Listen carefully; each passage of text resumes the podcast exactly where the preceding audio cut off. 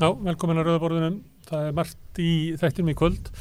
Í lók þátturins að þá ætla ég að ringja ekki kannski alveg nýst í Nóri en mjög norðarlega í Nóri. Það er Bátsfjörður í Finnmörku þar sem að uh, Jón Páll Jakobsson er hérna stundar útgerð.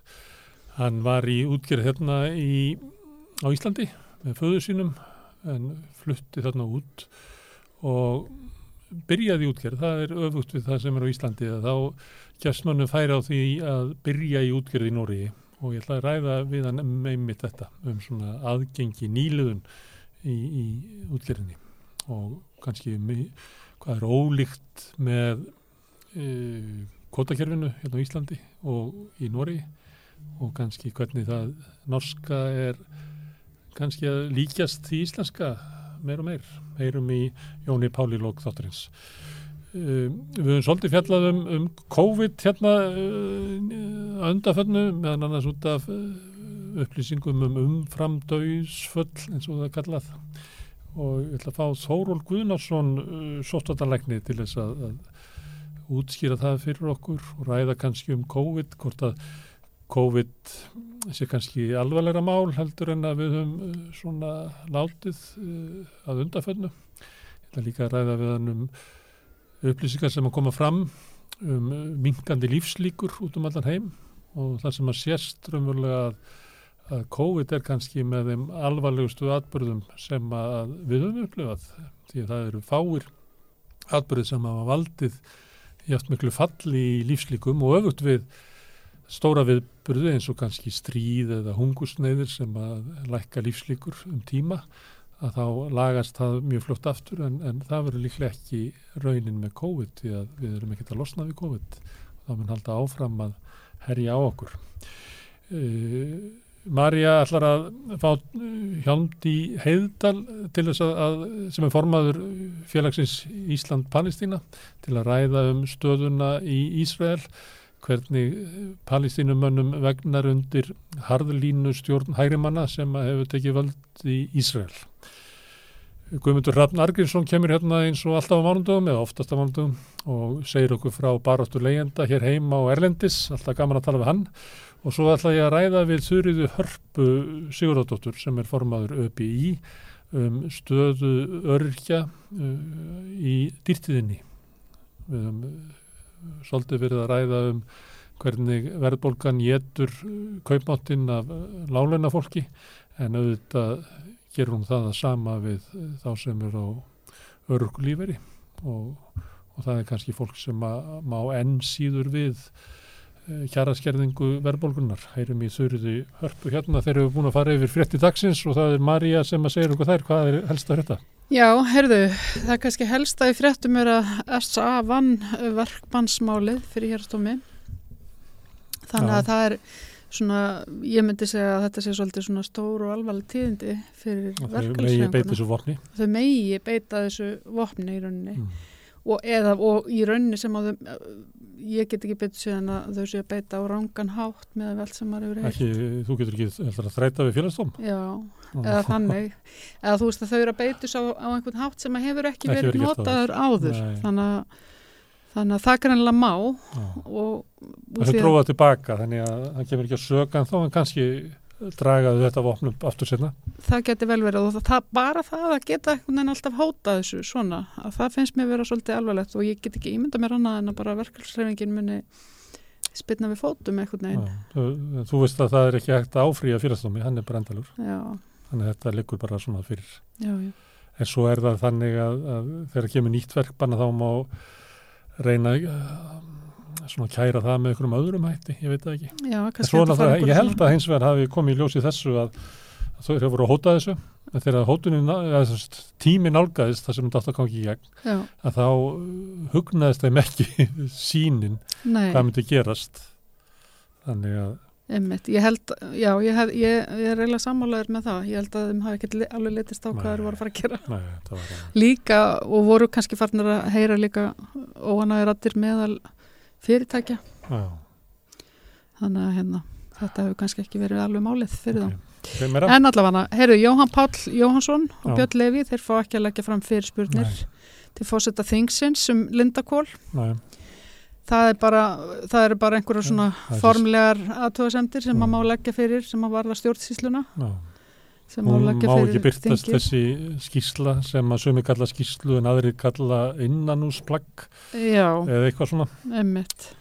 En hún er nú einhver leiti komið fram svona efnið hennar í dómsmálum. Já, já, emmitt. Það sem að, Ég, já, Jóhann Páll eh, segir í viðtali í fréttum stöðu 2, hann er, er hissa á þessu sko, já, en hérna, þetta hafi komið honum á óvart þessi niðurstöða. já. Já, ég er nú svolítið hissa og hann hafi verið hissa. Allir hafi gett ráð fyrir þeir ætla hleypa þessu Já. gegn sko, Nei, og þeir ráða já, já, þeir og ráða. þeir eru sjálfstæðarflokkurinn. Já, já, en þú veist bara ríkistjórnin öll samt að því atkvæðin liggja þannig einhvern veginn í þessu máli. Mafki og framskonar alltaf samsök í glæpum. Já, já, það er bara þannig. Þannig að hérna, en já, já, það er spurning hvort að, já, þetta sé líka hættulegt fordæmi eða hvað, Mm. Það verður að koma í ljós. Um, svo er önnur frétt hérna sem var í dag sem er svolítið svona áfællistómur kannski yfir líka helbriðskerfinu okkar að maður misti lif, af lifur í Svíþjóð Já, vegna þess að það tókst ekki að manna flugvill Nei. að hann átti þess að hafi fengið lifur og og, liður og, og og þá kemur náttúrulega bara kallið 1 fyrir 3 Já. og hann þarf að fara út 1 fyrir 3 og ekki hægt að manna Það er tveir flugvélina. kostur um samning við fyrirtæki sem heitir eitthvað Nordflight eða Nord. Nord, Nordurflug eða eitthvað. Og þeir gátt ekki manna vélina. Nei. Hinn valkosturinn til vara er flugvél landinskeslunar já, en hún var bara eitthvað stöður í útlundum. já, einmitt. Mm. Þannig að maðurinn Þetta er misti alveg- lifur og hefur ábíla og mögulega, maður bara hugsa og sko það getur verið bara Lífs- líkur á mánuði þannig að hann fær aftur séns. já, já, einmitt, eða ekki skilur, eða þú veist, maður veit ekki hvað Það er svona margar svona fréttir undarferðið. Já, svona, svona hörmungar já, eitthvað svona nýðurbrót öryggiskerfisins. já, Hmm. já, já, þetta er svolítið svona maður hugsaði, ég hugsaði alveg um flugvélina sem að þeir allir að selja landelgiskeslunar bensinni. já, eins og sagt var að hérna, þeir alltaf að selja velina til þess að eiga fyrir rekstri. já, Það reyndar hérna, einn frétt sem að ég veit ekki hvort þau eru með sem að var hérna, læknir sem var í útarpinu í morgun. Já, var að tala um að, að það vissuðu allir að uh, nú er þessi endalus að kreppa inn á landsbítalanum að því að vantar uh, sjúkrarúm. Mhm, en það vissuðu allir að, að þótt að verið að byggja nýjan landsbítala já, að það væri ekki nægt legur í mig þar til þess að mæta þörfinni sem er í dag. Já, einmitt. Þetta, þetta er náttúrulega alveg svakalegt sko. já, hérna, já, ég held að við hérna, fáum kannski að heyra í honum. Svanur Sigurbjörnsson. Ég held að reyna að ná honum í viðtal núna í vikunni. Já. Ha, sem er, getur svarað þér eitthvað um landsbytalan eða um bygg, nýbygginguna á spítalanum að, að, að spítalinn sem er verið að byggja núna og menn alltaf tala um að þetta henti var allt ekki- miklu betur var að hann kemur þá bara, það er ekki þannig sko. Nei, var það ekki líka þannig að þeir glemd að gera ráð fyrir geðtildinni? Það var þeir eitthvað svona, glemtu því ekki, þeir bara hættu við það eða þeir hættu bara við það. já. Já, einmitt. Já. Þannig að svona, þeir glemdu einu, talandu svona gleym ykkur, já, það var glemdist þegar að barnaspítalinn var reistur að gera ráð fyrir aðkomu sjúkrabíla, vissur það? nei, það er sjúkrabílandi keira inn, Nei. það sem átti að vera sko sorpgemslaðin held ég, jésús. það var skotið inn svona eftir á. Það er náttúrulega bara, þeir eru kannski bara séð fyrir sér að foreldrarnir kemur alltaf með börnin. En það var ekki þannig að þeir glemdu sko getiðin hafa bara ákveðið að hafa hann ekki. Nei, Það er ekki nýr landsbítali fyrir fólk með geðraskanir. nei, einmitt. Herðu, já, uh, næsta frétt er kannski formanslagurinn í Vaffer, hann er hann farin að vera svolítið harður núna. Já, það var að byrja að kjósa á miðgudaginn sem er 8. mars, Já, alþjóðlugu baróttu dagur kvenna. einmitt. Það var þannig að debatt í já, Silfrinu. í því? var- Já, ég fylgdist með því. Hvernig þetta það? Það var, hann var svolítið svona grimmur, meðan hann svolítið grimmur, meðan hann svolítið svona ekki stæðast- Ragnar. Var, Nei, Ragnar var náttúrulega bara hún, sko, var sótt? Elva, já, var sótt að hann millilega og, og hann fekk sjaldan að klára setningar við erum með smá klippu hérna sem að svona- sýnir svona ágætlega Já, stemminguna sem að var í þessum, þessum debatt ef að Mhm. geti komið upp. Já, kannski fáum Það að sem hefur verið að sjá ræða um húsnæsmál. verkefninu blæ sem að við erum búin að vera núna í fjögur ár að reyna að koma af stað, fjögur ár Og á hverju byggist því- blæ? því- Það byggist á bjargi sem er, eh, er var- úr leið mér að ASI, klára, leið mér að klára. sem er það dæmi sem þú hefur ekki Því- talað um að við eigum að fara út úr. því, var haldið í gíslingu í ekki í, í 14 mánuði Það er ekki rétt, þetta er til í fundagerði við værum að afhenda fyrstu íbúðunar elva í dag en skilaðir þú inn, tilsettum, gögnum? Fekk alþjóðu sambandi við þau gögn sem þau þurftu frá íbúðirnar í til þess ef að vinna þessa vinnu í ef, kringum að- ef við fengið nægilega stuðning frá alþýðusambandinu Viltu- fyrir en viltu svara? en núna erum við að byrja að að við erum að fara að byrja að byggja þessar íbúður í þessum mánuði ef við hefum fengið meiri stuðning fyrir þetta verkefni af alþýð, hálfu alþýðusambandsins og þetta veit stjórnvaffer og við rættum þetta stjórnvaffer vaffer þessa kunnáttu? Því að og- ég hef líka heyrt hliðina Ragnar, ég hef heyrt frá alþjóðsambandinu og ég hef heyrt raunverulegar ástæður þess að þetta mál tafðist svo lengi því að það vantaði til skilingögn frá vaffer, frá formanni vaffer til þess að klára málið. það er bara, eh, þú veist bara að fara með algjöra, um rangfærslur En af hverju er ég að fara með rángfærslur, af hverju eigum við frekar að trúa því sem þú segir? þú, þú varst ekki í þessum samskiptum Nei, en ég hef verið í Þessi samskiptum gagnrý- við þau sem voru í þessum samskiptum, Ragnar, ég vil að það komi reynd fram við félagsfólkið okkar og við þau gerðu sem að koma og kjósa okkur. segðu mér þá í, Nei, ég í ætla ekki fara að- segja rakalösa dilgju Nei, það er ekki rétt. Að- að- að að að berjast fyrir þessu máli árum saman, árum saman erum við búin að að beita að okkur árum saman hafa stjórnvöld að vel árum saman árum saman hafa stjórnvöld og þú þekkir það nú vel Já. árum saman hafa stjórnvöld vanrækt leigumarkaðin, húsnæðismarkaðin hér vantar byggingar, hafa lóðir. Hér vantar okkur allt sem við þurfum ég er búin að starfa inn í bjargi frá stopnun Já, og og við erum að vera búin að við, við, við, erum að búin að við erum búin að vera að byggja upp í við erum búin að vera að byggja, byggja upp Hugmyndin- hugmyndin kom upp- hugmyndin kom upp- hugmyndin kom upprúlega frá Vaffer. Nei, hún kemur frá, nei, hún kemur frá fórseta við- ASI og það er til í gögnum, það búið að vinna í okkur og við bjargi þrýstum alþjóðsambandið á sínu tíma að fara í þessu uppbyggingu. Og við erum alþjóðsambandi Ragnar, þú gleymir því stundum. Já, Já, þetta er svolítið svakalegt hvað? hvernig sótt er að Ragnar í rauninni þarna um og, hvað? hann svona sagaður eiginlega um legar sko. Um ykkur gögg sem að Já, hann Og hvað, eh, hann hafi ekki lagt- hann hafi ta- tafið húsnæðis uppbyggingu um, af því hann skila ekki Hann inn til aðeins í. já, einmitt. Þetta er svolítið undarlegt. Og eins líka sko, hérna, já, bara, þú Heldur að, að formanskjörið í Vaffer snúist um það að skilaði Ragnar gögnunum? nei, það, það er svona, þú veist, verið að reyna að láta hann líta illa út á einhverjum mjög undarlegum fósundum. En hún talar svolítið um að svona ASI hafi viljað húsnæðisuppbyggingu sem Já. að Vaffer undir fórustu Ragnar stendur í vegi Já, fyrir. hún er greinlega mikið í kona, Hmm. maður heyri það alveg.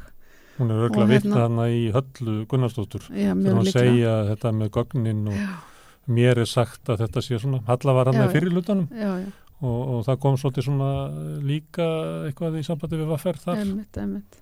Heldur þetta sé frambóð þeirra sem að voru á skrifstofa ASI gegn Ragnari? Ég held að þetta sé, þetta er náttúrulega bara rampóltist, við veitum það alveg, það er náttúrulega bara augljóst. Hvernig þá? Þannig er uh, vinst, kona úr VFG og, og Ég heldur það. Vafki er mælið sem er 6% fylgi heldur þeir ráði við að taka yfir Vaffer? Nei, við sjáum til, sjáum hvað setur, ég er ekki að segja að hún muni vinna þessa kostningu, ég er alls ekki að segja það. Það Ég getur ekki verið að þau ætla að sækja Ragnari Þór eh, með frambóði Vafki. Vafki getur alltaf haft svo mikið stuðningin í Vaffer. Nei, þetta er samt, þetta er samt sem áður við veitum það, þetta er manneskja Hún er, hún er í Vafki sem er í VFG og Halla líka. og Halla líka, við veitum það, þannig að við veitum að þetta er pólitíst, vantarlega pólitíst frambúð þannlega sér. Mm. Þannig að hérna, já. En viltu spá fyrir hvernig það fer? hvernig það fer. Ég held að Ragnar, ég get ekki ímynda mér annað en að Ragnar hafi þetta. Ákveðu. Af því ég held bara að hann eh, hefur einhvern veginn verið það svona verið það mikil sátt um hans setu þarna hinga til að ég held að fólk hefur verið ánátt með það sem hann hefur verið að Mm. gera held ég, svona mestu leitinu til Ég man ekki hvernig hérna, síðast þá fekk hann frambóð innan úr sjálfstaflunum, já, fyrirverandi vara þinkona, já, þá fekk hann manni engjali 63% eitthvað laus. Já, já. Og hún eitthvað minna en, en þriðunginu því er alltaf Já, einhver sem að ég held að þetta verði eitthvað svipa sko. Á, ég verði allavega mjög hissa en Halla lítur að ná inn í stjórn. Hún er í frambóði stjórnar. Hún heldur er að Halla verði svona Ólöf Helga Ragnars eh, eins og Ólöf, Ólöf Helga Adolfsdóttir væri með svona virka stjórnaranstöð inn í stjórn eða ferri eins og Ólöf Helga var með inn í, stjórn eflingar. vona innilega ekki. Nei, ég held ekki. Ég held það er að, ekki margar rættir að heyrast? Jú, jú. En ég held samt sko já, ég, svo sem það kemur mann ekkit á óvart að hún, náttúrulega Halla sko er metnaðafull kona. Þannig að ég veit ekki, hún geti er ætlað að metnað full fyrir sjálfa sig hún er bara með pólitíska skoðanir Já, og ég, vill breyta ég, ég samfélaginu segi það, vill breyta samfélaginu þannig að hún gæti alveg sótt á sko, ef hún kemist inn í stjórn að Mm. hérna í framhaldinu því ég, en ég er ekki vissum að já, ég er allavega ekki vissum að Elva hafi þetta núna Nei. en hérna, ég segi alveg fyrir mér að Halla geti farið á mótónum Mm. ekkert hérna Elva var búin að hérna, eh, samþykja það að koma hingað í debatt við Ragnar Þór, Já, en síðan en- hefur hún ta- eh, bara hættur að ná sambandi. Þannig að ef hún er að hlusta þá stendur það en þetta báða Mér fannst nefnilega vantar eiginlega samtalið um þetta sko. ég náði engu um hvað þessu kostninga getur verið þegar ég var að hlusta á þau. Nei, einmitt. Mér finnst það líka bara þetta eins og þú varst að hlusta á þarna sem að sko bara tveir eru að tala í einu eitthvað neginn og þetta snýst um það sko Já. hver næri að tröfla hinn Já, hver næra að tröfla hinn meira og grípa meira Já. frammi fyrir hinnum. Og, eh, en samt eh, svona meira á annan veginn sko, mér varst hún vera mikið aggressívari. Hún er alltaf að sækja sko. Já, hún er að sækja. Það er alltaf þannig að Já, sá sem já. er að bjóða sér fram á móti í fórustunni, hann þarf að sækja. Og hún er að reyna að gera hann ótrúverðuðan Já. og saka hann um að segja En ekki nú satt þarf og það að rétt fara frá. fram í ljós sko, hvaða gögn voru það sem að Vaffer skilaði ekki inn til ASI sem að var þess valdandi að, að það er bara fólku á götunni það er ekki búið, Já, já. búið að byggja þessu Já, og hann einmitt. segir á móti að það væri búið að byggja þetta ef að ASI hefði ekki tafið þetta. Já, Held, kannski við munum kostningarna snúið til þetta. Já, kannski. Hún talar líka um að hann væri var ekki að hugsa um jafnbreytismál Já, svo er uh, talað um einhver mál sem hefðu komið fram meðal annars þriðja vaktin. Mm og það hver hefði stungið upp á því? Og það hefði komið úr stjórninni. Já, já, en einmitt. ekki frá honum. Ekki frá honum en það þarf náttúrulega ekki alltaf að koma frá formanninu Nei. ég veit ekki. nákvæmlega.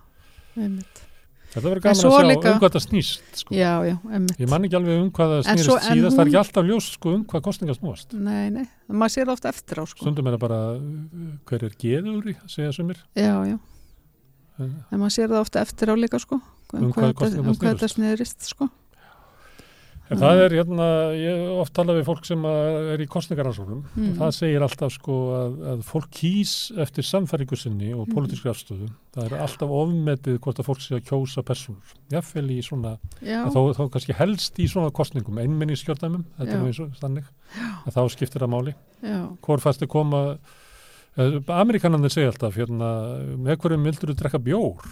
Hvort myndu vildur þú drekka bjór með Ragnari Þór eða Elfur Hrönn? eða elfu Já, ég eiginlega hvoru sko, þannig lagað. Ekki, Nei, ég drekki ekki bjór ég drekki ekki en, bjór. En ég hérna það kannski ættum að segja svona vera með hverju vildur reykja jónu? Já, nei, ég, það myndi eða myndi, með hverju vildur taka það sveppi? Ég er endar held ég hafi drukki bjór með Ragnari þó Nú, ja. einhver tíman eða, eða verið í einhverju svona teiti með honum. En, en allavega ég veit það ekki. Um, sko mér fannst það sem ég hjó eftir Mm. og ég hugsaði með mér að geti ráðið úrslitum það er hver er með svona meira yfirgnafandi rödd þegar allir tala og njalla heldur það í alveg Já, ég held það í alvörinni vegna þess að sko uh, hún, mér fannst til dæmis hún sko tala hann niður á einhvern hátt mm. af því að ég herði mikið meira orðaskil í því sem að hún sagði heldur en því sem hann sagði á sama Já. tíma skilur hvað við af því hann var Þannig að að- reyna að segja heila setningar en hún skaut Já, og hann svona tafsaði að því að þetta verðist koma svo óvart einhvern veginn hvernig hún, Já, hann var augljóst að hann bjóst ekki við hann bjóst einhvern veginn ekki við þessu svona sko. árásum Já, Þannig að að hérna- vera að vefingja bara heiðalegans já, emmitt. Og það er eitthvað svona sem að hann er náttúrulega bara emmitt ekki vanur kannski. Þannig að En hérna, var það ekki það sem að var Drífa og Halla voru að segja að það var ekki hægt að vera inn í ASI út af óheiðarleika Ragnars og já, það kom samt aldrei, það er, Vil, Vilhjáms og Solveig Önnu og já, einhverjum flerum já, það er sögðu aldrei samt sko persónur og leikundur nákvæmlega, En en það er svona gá í skinn, eitthvað, jú, jú, það gerur það. heldur þetta verði svona leðjuslagur? Stundum eru kostinga þannig. Ég get alveg, það kemur ekkit óvart sko. mm. Svona miða við hvernig þetta setti tónin sko, þá, ef, þá getur þetta orðið leðislagur sko. Síðast kom moggið með forsýðu um það að, að ég held að veri moggið sem kom forsýðu um það að hérna, Ragnar væri veiðið Já, maður ekki því? Býttu eitthvað ráma mig það, jú. Já, að Já, hann hefði verið með einhverjum í einhverju Já, veiði, þegar verið- Svo reyndist það einhvern veginn. Já, eitthvað. hvort þegar hérna að, uh, svo sem átti ána kannast ekki við það eða Nei, hvort nei, að Ragnar var bara, Já, bara allt annars þar í heiminum Já. einmitt, einmitt. Alltaf var það til að við löst en stundum gerist það í kostningum Já, og helst náttúrulega í svona kostningum presskostningar eru frægar fyrir að vera, verða það voru aflaðar, það er þóttir svo grimmar það var hægt að kjósa til press hérna, já, kjósa til prest, síðan á Íslandi mennur þá. það, Já, já, það er fyrir mína tíð. Nú, Já, ég man ekki eftir því. ég Kjósa til prest. Já, kjósa prest, það voru bara aðfæri? Já, já Já.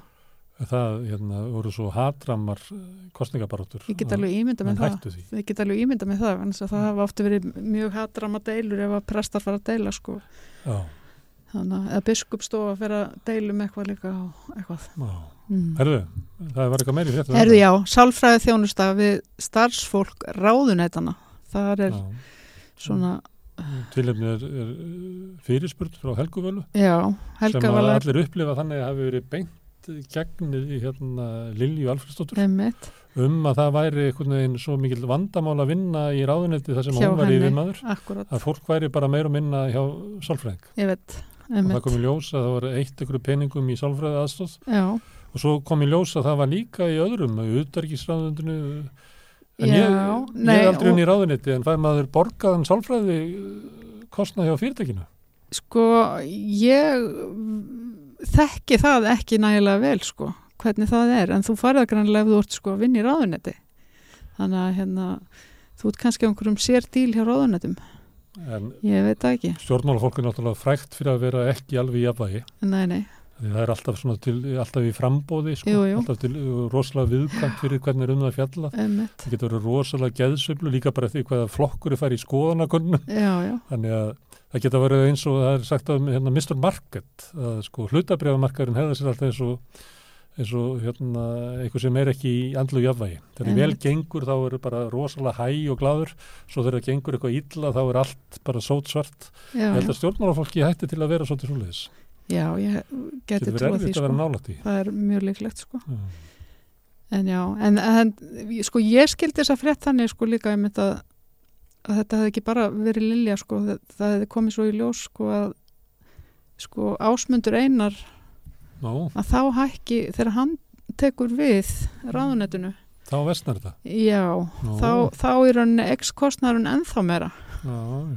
þannig að hérna, Kannski álagað vera alltaf að fá nýjan og nýjan nefnilega já, því ég held að það geti og, og alltaf verið að breyta nöfnunum á ráðunettunum og verið að breyta kannski starfsemið þeirra einhvern veginn, alltaf verið að stokka einhverju upp sko Mm. þannig að og starfsfólki kannski svona veit ekki alveg hvort það er örugt bara með vinnuna sína, ég veit ekki kannski bara rosalega mikið álega að vinna í ráðuneyti Ég held ekki. Nei, ég held reyndar ekki. Ég held það reyndar líka ég held Mm. þetta sé ekki og margir sem að sitja lengi Já, já, þannig að þetta er svolítið skrítið en Helga var alveg búin að vera duglega að spurja bara hún er búin að vera ganga og hvernig að fætur öðrum held ég undarfarið herðu, meira? já, uh, hérna lífslíkur minga Já. uh, vegna COVID Við vorum með fréttum á samstöðinni. já, Ég veit ekki hvort að við, ég, það var eitt graf sem að var hana. Ég veit ekki hvort að laufið er með það. já, kannski fáum að sjá En það- grafið Já, ég veit ekki hvort að, en það var kannski jú, Já, sérðu, þetta er nefnilega, þetta eru lífslíkur í heiminum frá 1961, þetta er bara árið sem ég fættist, ég veit ekki þetta til.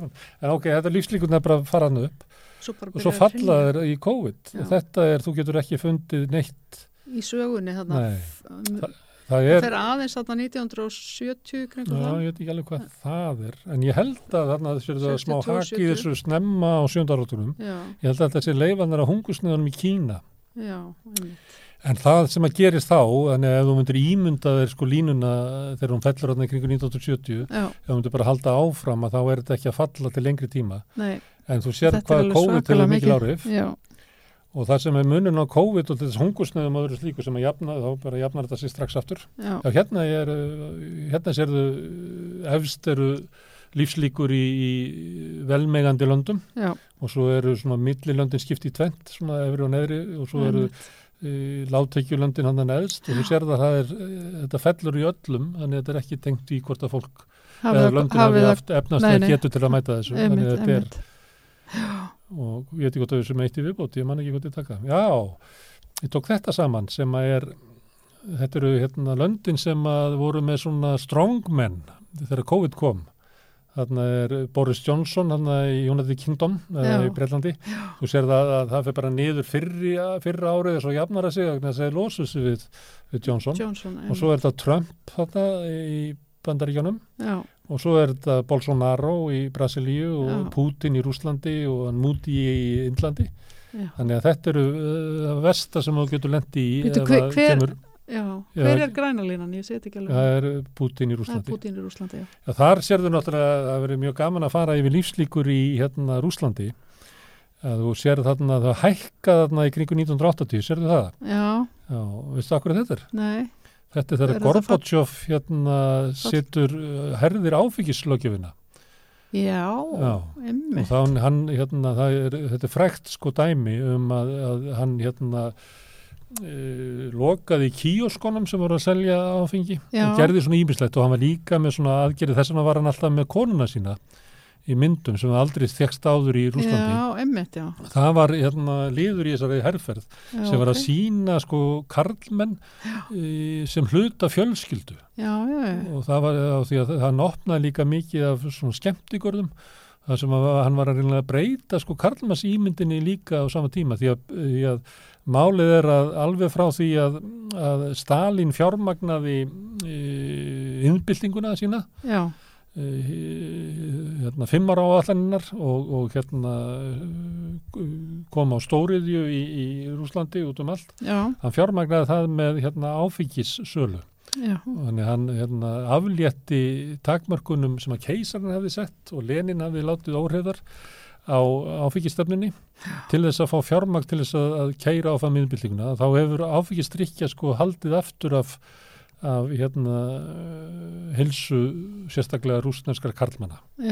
Og, og þetta er dæmið það. En síðan við höldum á, við kannski förum við bara að búa til heilan þáttum lífslíkur í, í, í, í, í, Sovjet, í Rúslandi því að svo sér þau hóluna sem kemur hann á eftir, að hann næra, Gorbatsov næra, síðan kemur fellur falla Sovjetríkin já, og þá hrinja lífslíkurnar. Svo náður það aðeins að bæta sig upp aftur og þá hrinjar aftur þegar hérna, rúblan fellur. Og svo var Putin að bæta þetta en svo kom COVID þetta þetta er ég ætla að tala við hann Þórólf já, hún ætlar aðeins á að eftir, ekki um svona, ég ætla ekki að fara út í Rúsland og svona, ég ætla Nei, bara nei. að tala um það. Um, að eh, þessar fréttir sem koma um umframdauðan á síðast ári og síðan þessar fréttir sem er að koma um minkandi lífslíkur út um allan heim já, bendi til þess að COVID er miklu svona alvarlegra mál og stærri atbyrður í heldur en að við um svona eh, í mann, látið bara í mannkinn já, sögunni í svona síðasta ár. Já, þá hefur við verið svona, hálfgeir svona afneitun um hvað, hvað það já, var. einmitt við, við erum svo fegin því að vera komin út úr því, held ég. Mm. eða svona við höfum talið okkur vera komin út úr því. Herðu, en núna þurfum við að fara að hleypa gestunum að en það er hérna eh, eina fréttum helgarina var nýtt merki samfélgingarnar já, og ég er með mynda því að, að það var svolítið gaman að fylgjast með hérna, þetta er svona smástriðni já, að því að flesti svona hönnuðir er ekki ánaði með þetta, Nei. þetta er illa gert. Já. Og besta setningin var það að þetta var eins og eins og krumpaði pappir kruppaðu pappir í kúlu. Já, og við settum hann hann með. Já, fólk getur metið það hvort það er. Einmitt. en margir fögnuðu þessu, sumi fögnuði að veri hægt að lesa nefa út þessu. Já, ég sé nú ekki alveg hvernig það Jó, það er nefið, það? er hérna hann, er, snýr svona sko Þú sérðan hann er þannig að sem að þumallin e, liggur ofan á böggfingri nei vísifingri og löngutung og svo sérðu að það er sérðan ekki, Jú, en hann er samt svolítið svona já hann er ekki skýr. Þú þarft alveg að leggja þig í líma við að Já, sjá hann held ég. Já. Já. Herðu, Herðu, já, hú, ef að enda þetta kannski já, á hús silfrinu, að því Silfrinu að því hérna Heimir Már Pétursson sló svolítið í gegn sló svolítið í gegn þegar það var um Já. húsnæðismál. Einhverju sögðu núna að loksins kemur maður sem tala vestfisku. já, Þá var að meina að hann tala bara hreint út, Já, já. Hann svona afruglaði umræðina hann sem hættir oft til í silfurinu að vera svona millistjættar húmili, húmili, húmili, húm. Sko. Þannig að tala hann um húsnæðismál. Já. En það, það sem er mér fannst vera merkilegast er að hann eiginlega mæli fram húsnæðisstefnu sósélista. Já, hann gerir það. Um, gerir það. um húsnæðisbyltinguna sem við tölum um að Einmitt. það yrði að byggja húsnæði fyrir þá sem var í vanda sem er fyrst og fremst látt ekki fólk. Já, já. Endur þetta á því að bara heyra í Endum á því heimi að heyra í heimi. já, svo þegar heimir er, er farinn og þagnaður að þá kemur hér Þurriður Harpa eftir Mhm. augnablik. lífeyrissjóðuna og, og verkalýsfélagin geta Ég þau má aðeins komast hérna Já, já. inn í þessu umræðu að ég held að sé að hluta til á, á miklum villigötum. Uh, sko, stór hluti vandas var búin til af stjórnvöldum á sínu tíma þegar að verkamannabústaða kerfi var eðilagt.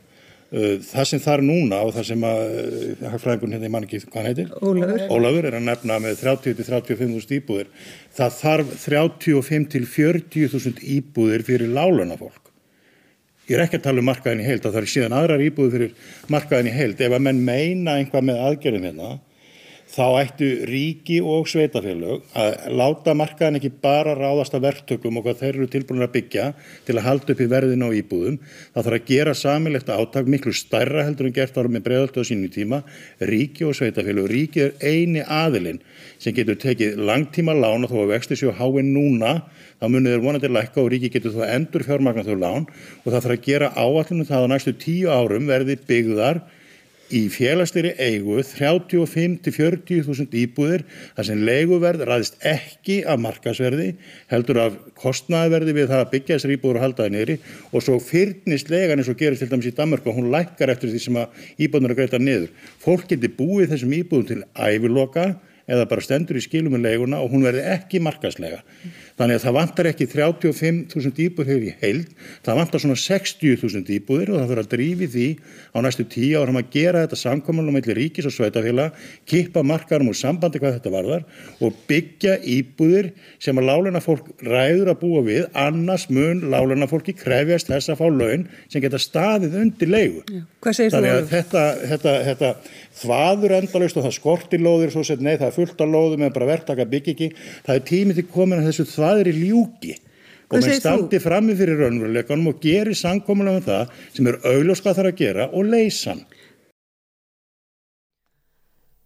Merðu, hún er komin ingað Þurriður Harpa Sigurðardóttir, formaður ÖBI, verður velkvinn. Takk fyrir. Herðu, dýrtíðin, hún hérna nagar sundur kaupmáttin og kemur vest við þá sem að standa vest fyrir. Og, og Íslandi eru það öryrkjar. Já, það er falla fólk, það eru öryrkjar sem að standa verst, eh, er með framfærslu sem nær ekki eh, lámaslönum, jafnvel, og eh, er gert að lifa af henni. Og við sjáum það að eh, hjálpar samtök sem hafa verið með bæði matargjafir og, og með hátegis eh, mat að eh, þau eru orðin uggandi. Það er þýlikur fjöldi sem er kemur þangað í hátegi og hérna og jáfnvel er þetta fjölskyldur eða fóreldrar með börn uh, á leikskólaaldri og, og hérna á grunnskólaaldri sem ættu að vera auðvitað í skóla. Þannig að uh, þetta hérna það verðist vera að fólk hafi það bara sem fara að hafa alltaf verð og verð Já. En það var um áramótin að þá uh, var hérna var ríkistofnum með ykkur aðgerðir til þess að verja ykkar hóp fyrir verðbókunni. Var það bara eitthvað sem hafa sagt en, en uh, verður ekki varfið eða? Sko við fengum sagt, í heildina einhver 10,6% hækkun með, með þessari 3% hækkun sem var í júni og svo bættist þarna við um áramótin. Eh, og þú tilur það svo saman að það verið 10,6 í heildina já, yfir árið. Frá eiginlega síðustu, þar síðustu áramótum? Neða, frá júni. Já, frá, já, já, með, með, frá janúar og, og, og, og með síðasta janúar að þá er þetta 10,6% hækkun en það er búið að vera og það vantar að, þarna upp á því þetta heldur ekki í við verðbúlguna ekki í við verðbúlguna eh, almenlega og heldur ekki í við til dæmis eh, þar, þar launahækkanir sem eru á, á legstu launum. Mm. Það er 10,2% hækkun verðbúlgunar frá því í fyrra í februar þannig að það, við getum eiginlega sagt að að, að þeir eru þá jafn, illa stæð núna og þeir voru fyrir árið síðan.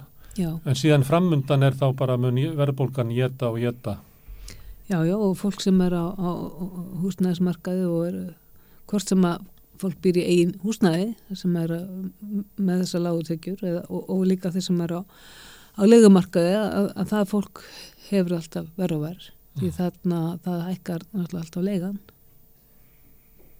og, hvað, og þá getur fólk ekki gert nefn að fara og vona hjálpræðisverðin eða samhjálp takja við því og sveitnir hluta mánuðarins eða... Já, já, og, segja, og, og þessi hjálparsamtök, bæði hjálparsamtök kirkinar og fleiri, hérna, samhjálp og hjálpræðisverðin segja að fólk sé komið miklu fyrir í mánuðinum núna mm. til þeirra og þannig að þetta er bara og við sjáum að uh, ég gerði nú smá könnun talaði við hérna kirkina og þau svo að það veri 40% þeirra sem komið til þeirra bara í desember að það voru örkjar mm. eða sérst fallafólk þannig að þetta hefur, það, það hefur ekki batnað þetta ástand sem við erum alltaf að glíma við er að segja eh, láttökjuvandi örkja og þessi tilfærslu kerfi og, og þau hafa ekki verið að virka sem skildi þannig að að hérna ástandi fyrir Tilfæstu kerfi sem er eins og Já, bæði var húsnæðisbætur Já, ja. húsnæðisbætunar það er kom, áttu að koma upp á móti eitthvað og síðan er sérstaklega húsnæðstuðningur svo er, er fyrir þá sem eiga eitthvað, eitthvað í húsnæðinu sínu hugsanlega, mm. að það eru vakstabætur sem er raun og verið skipta eiginlega nánast engumáli, það eru mm. það lágar og, og hérna og batnabætur það er heldur, það er, það er auðvitað að gera sjálfsagt eitthvað gagn en alls ekki næjanlega mikið og hefur þurft að vera miklu, miklu meira og beitur á þessu staðið þannig að þetta er hérna, þetta er vandin og, og við vorum bara að horfa á hvað var í legstu óskertu greiðslu til e, örkja sem var í kannski 24 ára með fulla aldurstenda og, og þá var hann með legstu óskilti greiðslur uh, 1. janúar eru tæp 320.000 mm. og, og, og, og hefðstu óskilti greiðslur uh, það eru 427.000 og það eru örfáar með þær greiðslur mm. þannig að þá á eftir að taka þessu skatta og hérna og húsaleguna og, og og þá er ekki mikið eftir þá er bara ekkit eftir en þegar að hérna þessi munur sem er á legstulunum sem eru núna nýjum samningum skrýða yfir fjóru trúskalinn. Já. Eða skess. Það, það nefndi þú 320.000 krónur. Já. Þannig að muni 80.000 krónum. Eða hvað er hverju munur já, á, meina, á legstu bótum já, og legstu já, launum? Ef við tökum bara byrjunarlaun, launaflokki fjögur hjá skess, þá er, þarna, þá er það 402.000 krónur sem þau eru með þannig að þarna munar já, 80.000 um þannig að, og ef við tökum þennan mun á lagstu óskiptu greiðslum til örkja og svo eftir fimm ára starf e, þá ertu með komin 472.000 þannig að þarna munar bara næstu 150.000 mm. Fyrir fyrir hrun hver var munurinn á lagstu launum og lagstu bótum? Ég er ekki með nákvæmlega tölu á hver munum þarna var á en ég veit að hérna, uh, þeir sem að þá var þetta á pari við uh, uh lámarslaun uh, örkulífurinn mm. og hann er það ekki það. Og var skert, þá það var skert eftir hrun? það var, ske- já, það komið skerðingarna inn við, Til að mæta áfallinu sem íslenska þjóðin var fyrir þegar við hrunbankana að þá var skert til öryggina. þá, þá voru örgjörna skert Einhver það fast er- það skynsalegt. Já, mér finnst ekki Nei, ég segi skynsamlegt. einhverju fannst það það Já. og mér finnst það afskapla Og öryggjandi liggja alveg þarna eftir. Ha, Og þeir liggja eiginlega eftir. þeir líka eftir dag og við erum ennþá með þessa blessu En þá að borga fyrir hrunið. já, við erum ennþá og, og hérna, og er við erum ennþá með þessa uh, skerðingu á framfærsluppbótunni sem að nú framfærsluppbótin er það sem að toppa þau upp í sko algjört lámark Mm. en, en ef þú ert einhver staðar, ef þú farið einhver örlittla lífyrstekjur, ef þú farið ef þú ert að vinna eh, kannski eh, eitthvað, eitthvað lítið hlutvar, hlutfall eh, 20% að þá þurkar uh, þessi framfærslu uppbót út uh, launatekjur þrátt fyrir að þessa 200 skrona frítekjumark sem að koma inn um áramótin. Mm. Þú þarft fyrst að byrja á því að reynsa út framfærslu uppbótina, hafuru hana og síðan tekur við uh, þessi 200 krónur frítekjumarkið. Mm. En, en þetta er svona að eftir hruna þá hérna lækkuðu bætur. Já, og ef að munurinn er 80.000 eins og er í dag voru 14 árs frá hruni. Og Við 12, erum- og 12 mánuður í hverju ári. Þannig ef munurinn er 80.000 þá er öryrk í dag búin að borga 13,5 miljón út af hruninu sko, á þessu vorum, tíma. við, já, við vorum að, það mætti stilla þessu upp svona. Það mætti stilla þessu upp svona. og, en- það, og það er ríkistjóðun ætlast til þess að út þetta ár haldana, haldi hérna, svo sem er örglíferi áfram að borga fyrir hrunnið Já, já, og, og að fá ekki hækkun eins og an, annað fólk hérna í samfélaginu eh, sem er náttúrulega alveg ótrúlegt reynd og við horfum, skoðum þetta aðeins hvernig staðan hefði verið í hruninu hjá hérna, þessum hópi og við komumst að því hérna í, fyrir jól eða á síðast ári að það var nákvæmlega sama staða uh, í dag eins og var þá þegar að var búið að klippa alltaf og strípa niður. Þrátt fyrir að hér sé verið að svona telja mann, fólki trúum það að það sé verið að hækka hérna lífeyrin og það sé verið eitthvað að Við höfum aldrei haft það betur. og, og hérna séu hérna uh, hvað heitir þetta nú, kjarabætur eða, eða kaupmáttur kaupmáttur kaupmáttur þessar leggstu tekjutíðinda það er náttúrulega aldrei talað um þessa þennan hópvegn sem hann er ekki inn á fyrstu tekjutíðum þannig að þannig að það er bara einfallega ekki rétt að fólk hafi það gott sem er á örgulífur það er allavega ekki, ekki þeir sem hafa ekkit annað og geta ekki annað mun ekki skána þessu ári því að, að óbreyttu þú nefndir þetta dæmi um uh, þann sem er með 320 krónur á mánuði. Mm. að með í 10% verðbólgu að þá má ætla að, að raungildi þeirra bóta lækki um meirinn 30 krónur já, já, í, í lokas árs ég að þá mun að, og sá sem er á því er að reyna að sjá það fyrir sér hvernig þetta lifa á 320 krónum brúttó á mánuði já, að þá verður það í desember verður þetta orðið eins og að reyna að lifa á 290 krónum en þú ert náttúrulega eftir að taka þessu skattin sko. en svo ertu eftir að gera það þetta, er ekki, þetta er ekki eins og Nei, nei. við komum til að fá þetta í vasan nei, nei. þannig að nei, nei, þetta er hérna, vandamál og þetta er náttúrulega sama vandamál líka fyrir þá sem er á legstu launanum í, í, í, í, samfélaginu þegar það fólk getur ekki lifa á launanum sínum að hvernig ósköpunum á, á þessi hópur að lifa uh, einhverju mannsamandi lífi man, maður bara maður spyr sig og skilur ekki alveg hvernig hvernig fólk fær þetta út sko. Hvernig hugsaður þetta? Er hvernig er þetta hugsað? Það hmm. sagt um hérna lífeyriskerfið okkar er þannig hugsað að, að þegar þú kemst á eftirluna þá sértu með 72% af þeim uh, tekjum sem varst með þegar þú varst á vinnumarkaði og sá sem er á lægstulunum og getur ekki lifað þeim, hann getur náttúrulega ekki lifað 72% af lunum sin nei, nei, En- en þetta, það- þetta er nálægt í að vera eiginlega það sem öruglífurinn er. Já. Hann er nálgast 70, það að vera já, 70% af.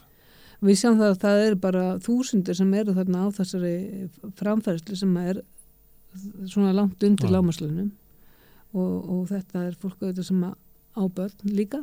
Hluta til er þetta það og það hefur ekkert breyst á þessum tíma uh, síðan 2021 þegar þegar að konun vörðu var byrt á högum fallasfólks sem að hérna, einstæði foreldrar höfðu að langvest og einstæði karlar og þetta hefur ekkert breyst og 80% fólks átti erfitt með að ná endum saman á hverju mánuðamót og ég held að þetta hefur versnað Mm. og, og hérna 80% af fólki sem er á, á örglífri. Já, 80% þeirra sem eru örgulífur áttu erfitt með að ná endum saman. Hver, hver mánamót og það mátti ekkert út að bera. Þannig að, að þetta voru einstaklingarna sem að auðvitað tristu þá á, á vandamenn eða hjálpastofnunir eða e- e- eitthvað slíkt. Og, og þetta hefur versnað því að leigan hefur hækkað til dæmis, matarkarfan hefur hækkað, uh, það hefur allt hækkað sem að uh, kemur börnum, allir kostnæður þannig að þetta er hérna þetta er bara gríðalegt ágefni og bara mjög sorg, sorglegt. Lá, launafólk, hérna, það getur verið verkvall, krafist herri launa. já, já, Hvað geti, geta, já það er það gera fattafólk fyrir ekkit í verkfall, það getur það ekki. Eh, það var reynda komið hugmyndum að, að kannski var þetta hóta að taka yfir eh, hérna flugfélagið eða eitthvað svo leiðis, blindrafélagið geti tekið yfir flugfélagið og, og hérna alls saman samtökin getur gert strætó en þetta er nú meira, þetta er bara grínir sagt en þetta, þetta er grátbróðslegt og það er einfallega þannig að, að þessi hópur og allt sitt undir því að, að inn á þingi og við stjórnvölinn setjum fólk sem er sæmilega skynsamt og, og hjartalíkt. Nei, það finnst mér ekki. Og uh, við auðvitað vonum alltaf að, að hérna, það náist betri, betri, staða. Og við fáum hérna, uh, það er hækkanir sem þarf til þess að fólk getur svona lifa sæmilu lífi. Við höfum líka ágjur af því að húsnaði er, uh, það er mikil skortur húsnaði og þess vegna er til dæmis uh, talsverðu fjöldi fólk sem að rekst um á þessum almenna markaði þannig að það er það þarf, og ég hef ágjör af því að núna þegar að í, í þeir ástandi sem er í dag þá muni bara það muni allt sem að varðar uh, félagslegt húsnaði það, það, muni, það muni bresta Mm. Þannig að ef það er slæmt ástætt á húsnæðismarkaði þá hækkar verð og þeir sem að fyrst spítast út af markaðinu vegna þess að ráð ekki við að leia eru þeir sem eru það er og þeir eru þannig. bara heimilislust. það er nefnilega nákvæmlega þannig sko En hvað er til ráða? Það verður ekki kosið sko, það er tvö hálft ára þannig að það verður kosið næst. já ég get ekki, ég get ekki hérna, komið með einhver, einhver ráð Ég hef stundum Eh. spurtið að því hvort að sko verkefnisreifingin eftir að taka upp hérna kröfur örkja. já mér finnst það, ég er algjörlega þar ennþá Það eru margir sem eru örkja sem eru fyrirverandi félagar í verkefnisreifinginni já já og það er náttúrulega hluta örgisnetinu sem að verkefnisreifingin ætti að vera byggja upp er að, það, að maður geti lifað þótt að maður missi helsula. Já, já, og það er líka þannig að, að hluti af, af, af fólki sem er á örorku, það er líka einhver, einhvers þar út á vinnumarkaði. Mm. Það eru 28% voru það hérna í fyrra sem að voru á vinnumarkaði að vinna einhver, einhvers konar vinnu.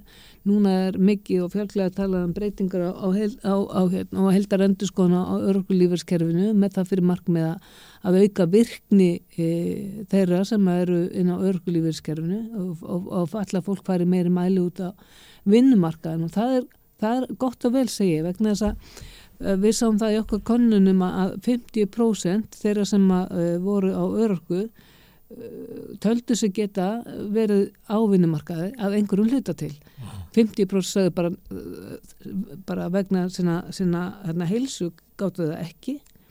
En, en hinn töldu sig geta verið svona 20 til 50% vinna, það var svona algengast. Og örfár, örfár vorum óskuð eftir 75% vinnu. Ég er bara ekki farin að sjá það að, að, að þetta gerist að, að fólk fái vinnu þó að langi til. Það sé ekki bóði 20% vinna fyrir örkja. Nei og ég meina nei, ég er ekki, ég er ekki farin að sjá það. Auðvitað er verið að tala við hérna, uh, almennamarkaðin og það er verið að tala við uh, opnbæramarkaðin og það er verið að leita leiða til þess að uh, litka til þannig að það sé hægt að að vera sveianlegur og, og, og sve, þessi, þessi atvinnumarkað verið sveianlegur taki við fólki. En þetta er enn svona að stóru hluta uh, bara í orði ekki á borði og þetta þarf auðvitað að, að spila saman við þetta nýja uh, kerfi sem að menn eru að sem verið er að, að, að hérna, reyna að koma á laginnar Mennur starfskjöldumandina? Já, það er nú hluta af þessu hlýtur að heita starfskiptum mat ef að vera mennar að tala um virkni mm. og uh, sko mér er svolítið erfitt að taka þess að umræða út frá því þegar að við erum að mæla uh, óskir fólks mm. sem að kemur til okkur og segja bara veist, ég get unnið 20, 30, 40, 50% mm. en uh, stundum verði ég að vera heima út af ég er í kasti eða, og stundu get ég unnið mm. uh, bara heilmikið og fólk þráir að vera einhvers þar uh, innanum hérna annað fólk þannig að það er erfitt að taka umræðina um þetta út frá einhverju starfskiptum mati þegar maður heyrir óskir fólks. En um leiðar maður náttúrulega hefur maður var að ná sér gagvarti hvað er verið að bjóð, hvað er verið að bjóða fólki upp á. Hvað þarf það að gera? Því að það má aldrei ekki gleyma því að, að þetta eru þetta fólk sem að hérna, og, og þessu hópur er með örgumat og það er ekki út af engu Áttu við að það sé ekki bóði vinna fyrir uh, fólk? Sko, svona í, þessi sveigalegi sem að fólk þarf að halda? Nei, það, hann vantar eh, á stórun hluta vantar hann En svo fær það matum að það geti unnið en það fær ekki vinnu?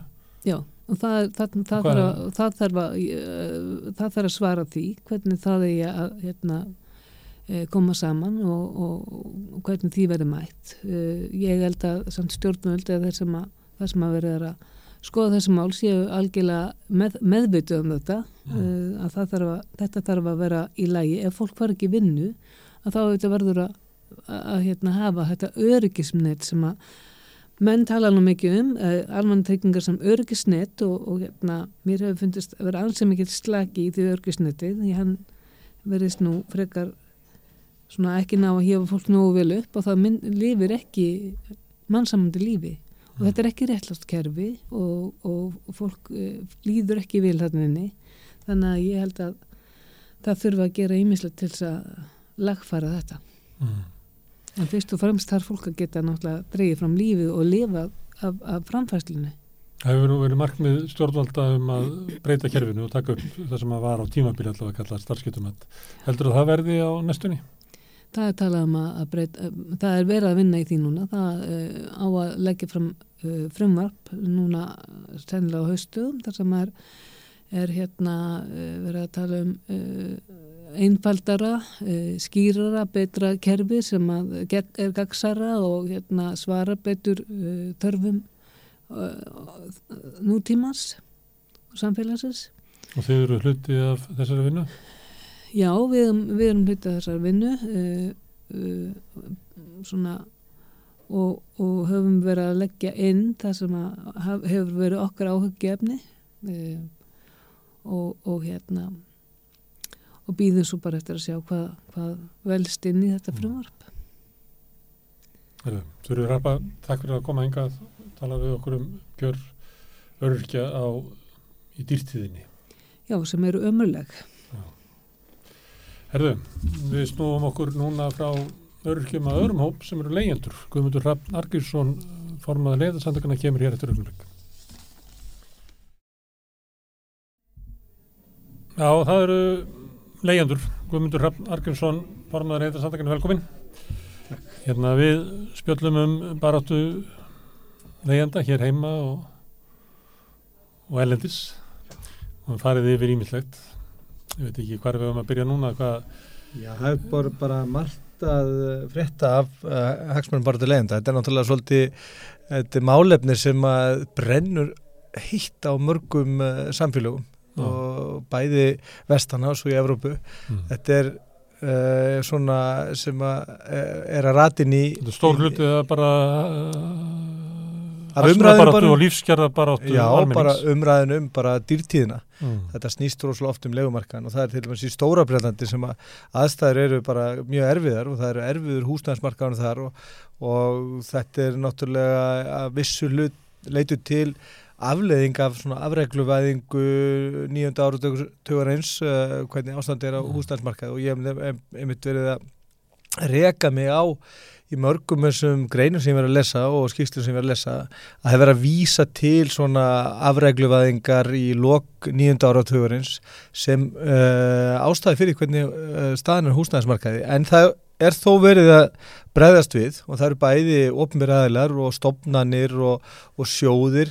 Í Brellandi er mikil heð fyrir sjóðun sem hafa mikil áhrif á samfélagsumræðuna og eru þáttakta bara í svona velferðarkerfinu þar þó að það veikt sé en uh, það er til dæmis uh, ef við byrjum bara í Breitlandi þá voru núna á síðasta förstdægin síðasta förstdag voru samkeppnisyfirvöld í Breitlandi að tilkynna það að þeir ætla að hefja rannsókn á samningsstöðu uh, leyenda og stöðu þeirra sem neytenda vegna þess hversu hallar á þá á frjálsum legumarkaði.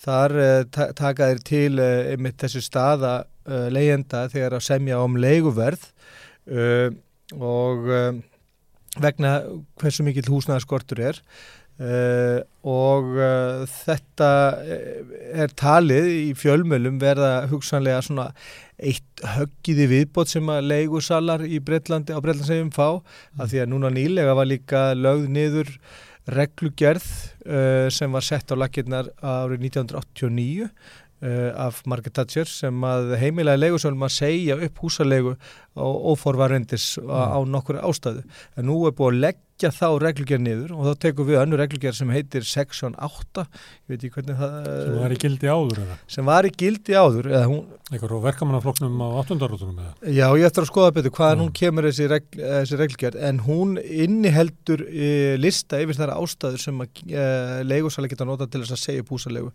og það eru þá ástæður svo sem að ef að e, leigusalin missi bara húsnaðu uppbóði, eh, leiðandi gerist segur mjög alvarlega glæpi eh, eða hefur ekki borgað húsalegu í marga mánuði. Mjög ríkar ástæður fyrir því að segja. Já, mjög ríkar ástæður og það er líka uh, mælt fyrir um uh, svona nefnd eða ráði sem að leiðandi getur þá skotið ákverðunum uh, til og uh, leigosælinn í rauninni getur ekki um, farið fram með uppsögn á leigosamningunum undir þessu seksjón 8 sem er núna í gildi í Englandi eftir að þessu seksjón 21 var lögð niður að það verður leigosælinn að fá heimilt frá þessu ráði til þess að geta sagt upp leigosamningunum mm. uh, þannig að þar, þar, þar er, uh, hefur, hefur batnað tildulega mikið réttavend fyrir leigendur en núna eru samgetninsauðvöld að skoða stöðu leigjenda sem neytendur og samlýstöðu þegar eitthvað uh, legusölum sem er mjög merkilegt. Samkynnsefir á Íslandi getur gæst það? Já, sjálfsögðu, ættu samkynnsefilegt að skoða þetta vegna þess að þetta er það sem að leyendasamtökin og fleiri uh, sem hafa verið að taka þessu umræðu hafa verið að benda á að samningstaða leyenda í, í þessu umhverfi sem við búum við er náttúrulega afleitt. Og, uh, og leigusalar hér eins og í Breitlandi er að setja alls konar kröfur á leyendur undir þessum kringustöðum sem eru óhóflegar.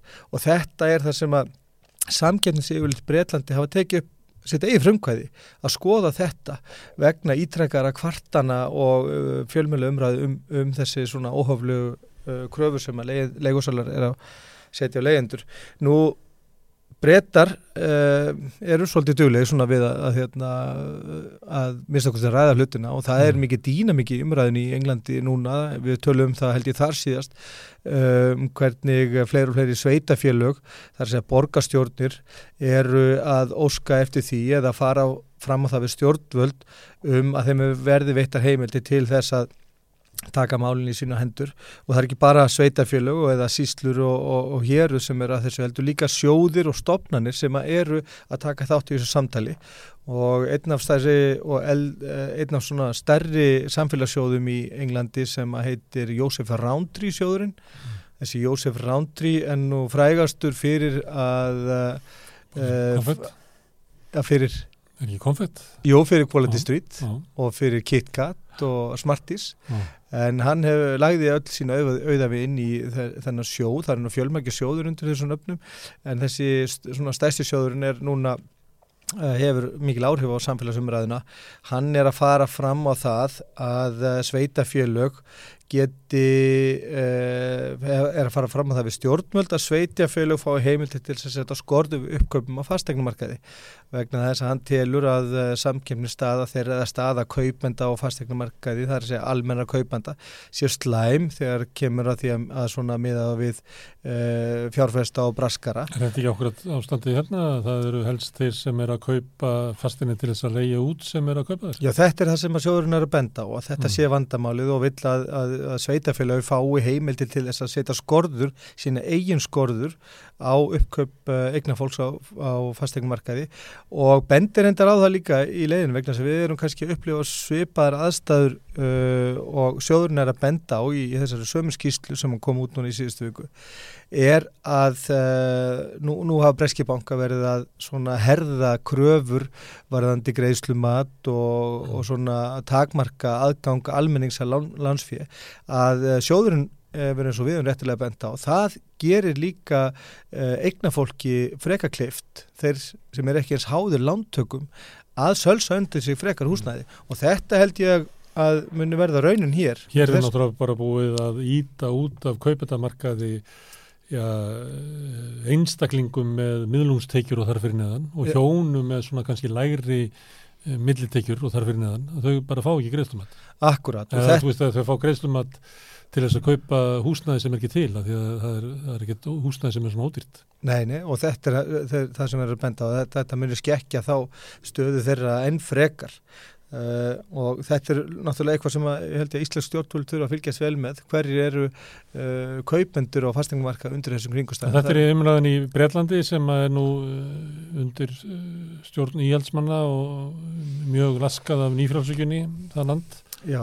Hvernig er ástandi í bandaríkjónum sem við tölum um í fyrir Nú bandaríkjónum þá er uh, náttúrulega það er reynd og beint bannað í 37 ríkjum í bandaríkjónum að hefðu uh, ofnbæra að hafa eitthvað með legumarkaðin að gera þar að segja mm. verðlegningu og hérna, samningsstöðu og samningri mm. það er bara heilega að skrifa í 37 ríkislög að mm. það sé bara bannað uh, en það eru núna að hafa bæst við sex ríki frá því að við tölum um síðast, við tölum um Los Angeles og Massachusetts, nú eru komin og Arizona og, og Colorado og fjögur annar ríki, mann ekki hverju þeir eru, en það eru sex ríki búin að bætast í hóp þeirra ríkja sem ætla að fella þessu lögugildi.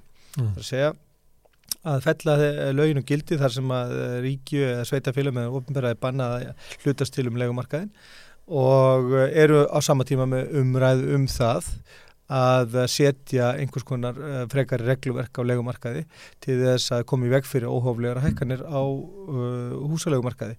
Þannig að þar er umræðan heldur áfram, við höfum oft talað um svona upprisu leyenda í bandaríkjunum og hún heldur áfram, það eru alltaf frettir af bæði leguverkvöldum og að svona aðgerðum leyenda þar. Nú eru stundu sagt svona að bæti við velferðarkerfi að Íslands er svona mitt á milli í Norðurlandana og þessara landa, svona Breitlands og bandaríkjana í, þegar þú ert að skoða svona leiðandamálin, eru við kannski jáfnveil verri heldur en þessi tvölönd, Breitland og Bandaríkina? Já, uh, skýslir OECD sína að uh, við erum miklu frekar lík Breitlandi heldur en okkur tíman Norðurlandathjóðanum í, í þessum svona lista yfir regluverk og leikumarkaði þá voru allar hérna Norðurlandathjóðanar í svona efsta fjörðungnum meðan við vorum í, í lægstu tíundinni uh, þannig að sko við erum miklu líkar í Breitlandi og bandarækjónum að þessu leitum til með regluverk og vend fyrir leyendur en þrátt fyrir uh, það þá er dýnamísku umræða um stöðu leyenda uh, í, uh, í, hérna, á meðal stjórnmálmanna og hjá bladamönnum og sjóðum og svona þeir sem eru fyrirfæri miklu í samfélagsumræðinu í Breitlandi þá er umræðum leyendur mjög hávar hún er það ekki hér. Það er bara þú, eða ekki? Já, það eru náttúrulega ekki bara ég, það eru fleiri sem eru að ræða um... Jó, hafa nú komið einhverju þingminn, hafa nú tekið um... Já, og svo hafa verkefælisfóringjar bæði Já. hjá Eblingu og, og hérna hjá ofan Akarnesi og Vaffer og, og fleiri sem hafa verið svona nef, nefna leyendur. Mm. En... Uh, Fyrir þú til Evrópu, uh, meginlandsins, Þískaland? Já, Þísku leyendarsamtökinn, uh, er svolítið áhugavert að því að við höfum verið að ræða um hérna vísitöltengingu húsalegu samlinga.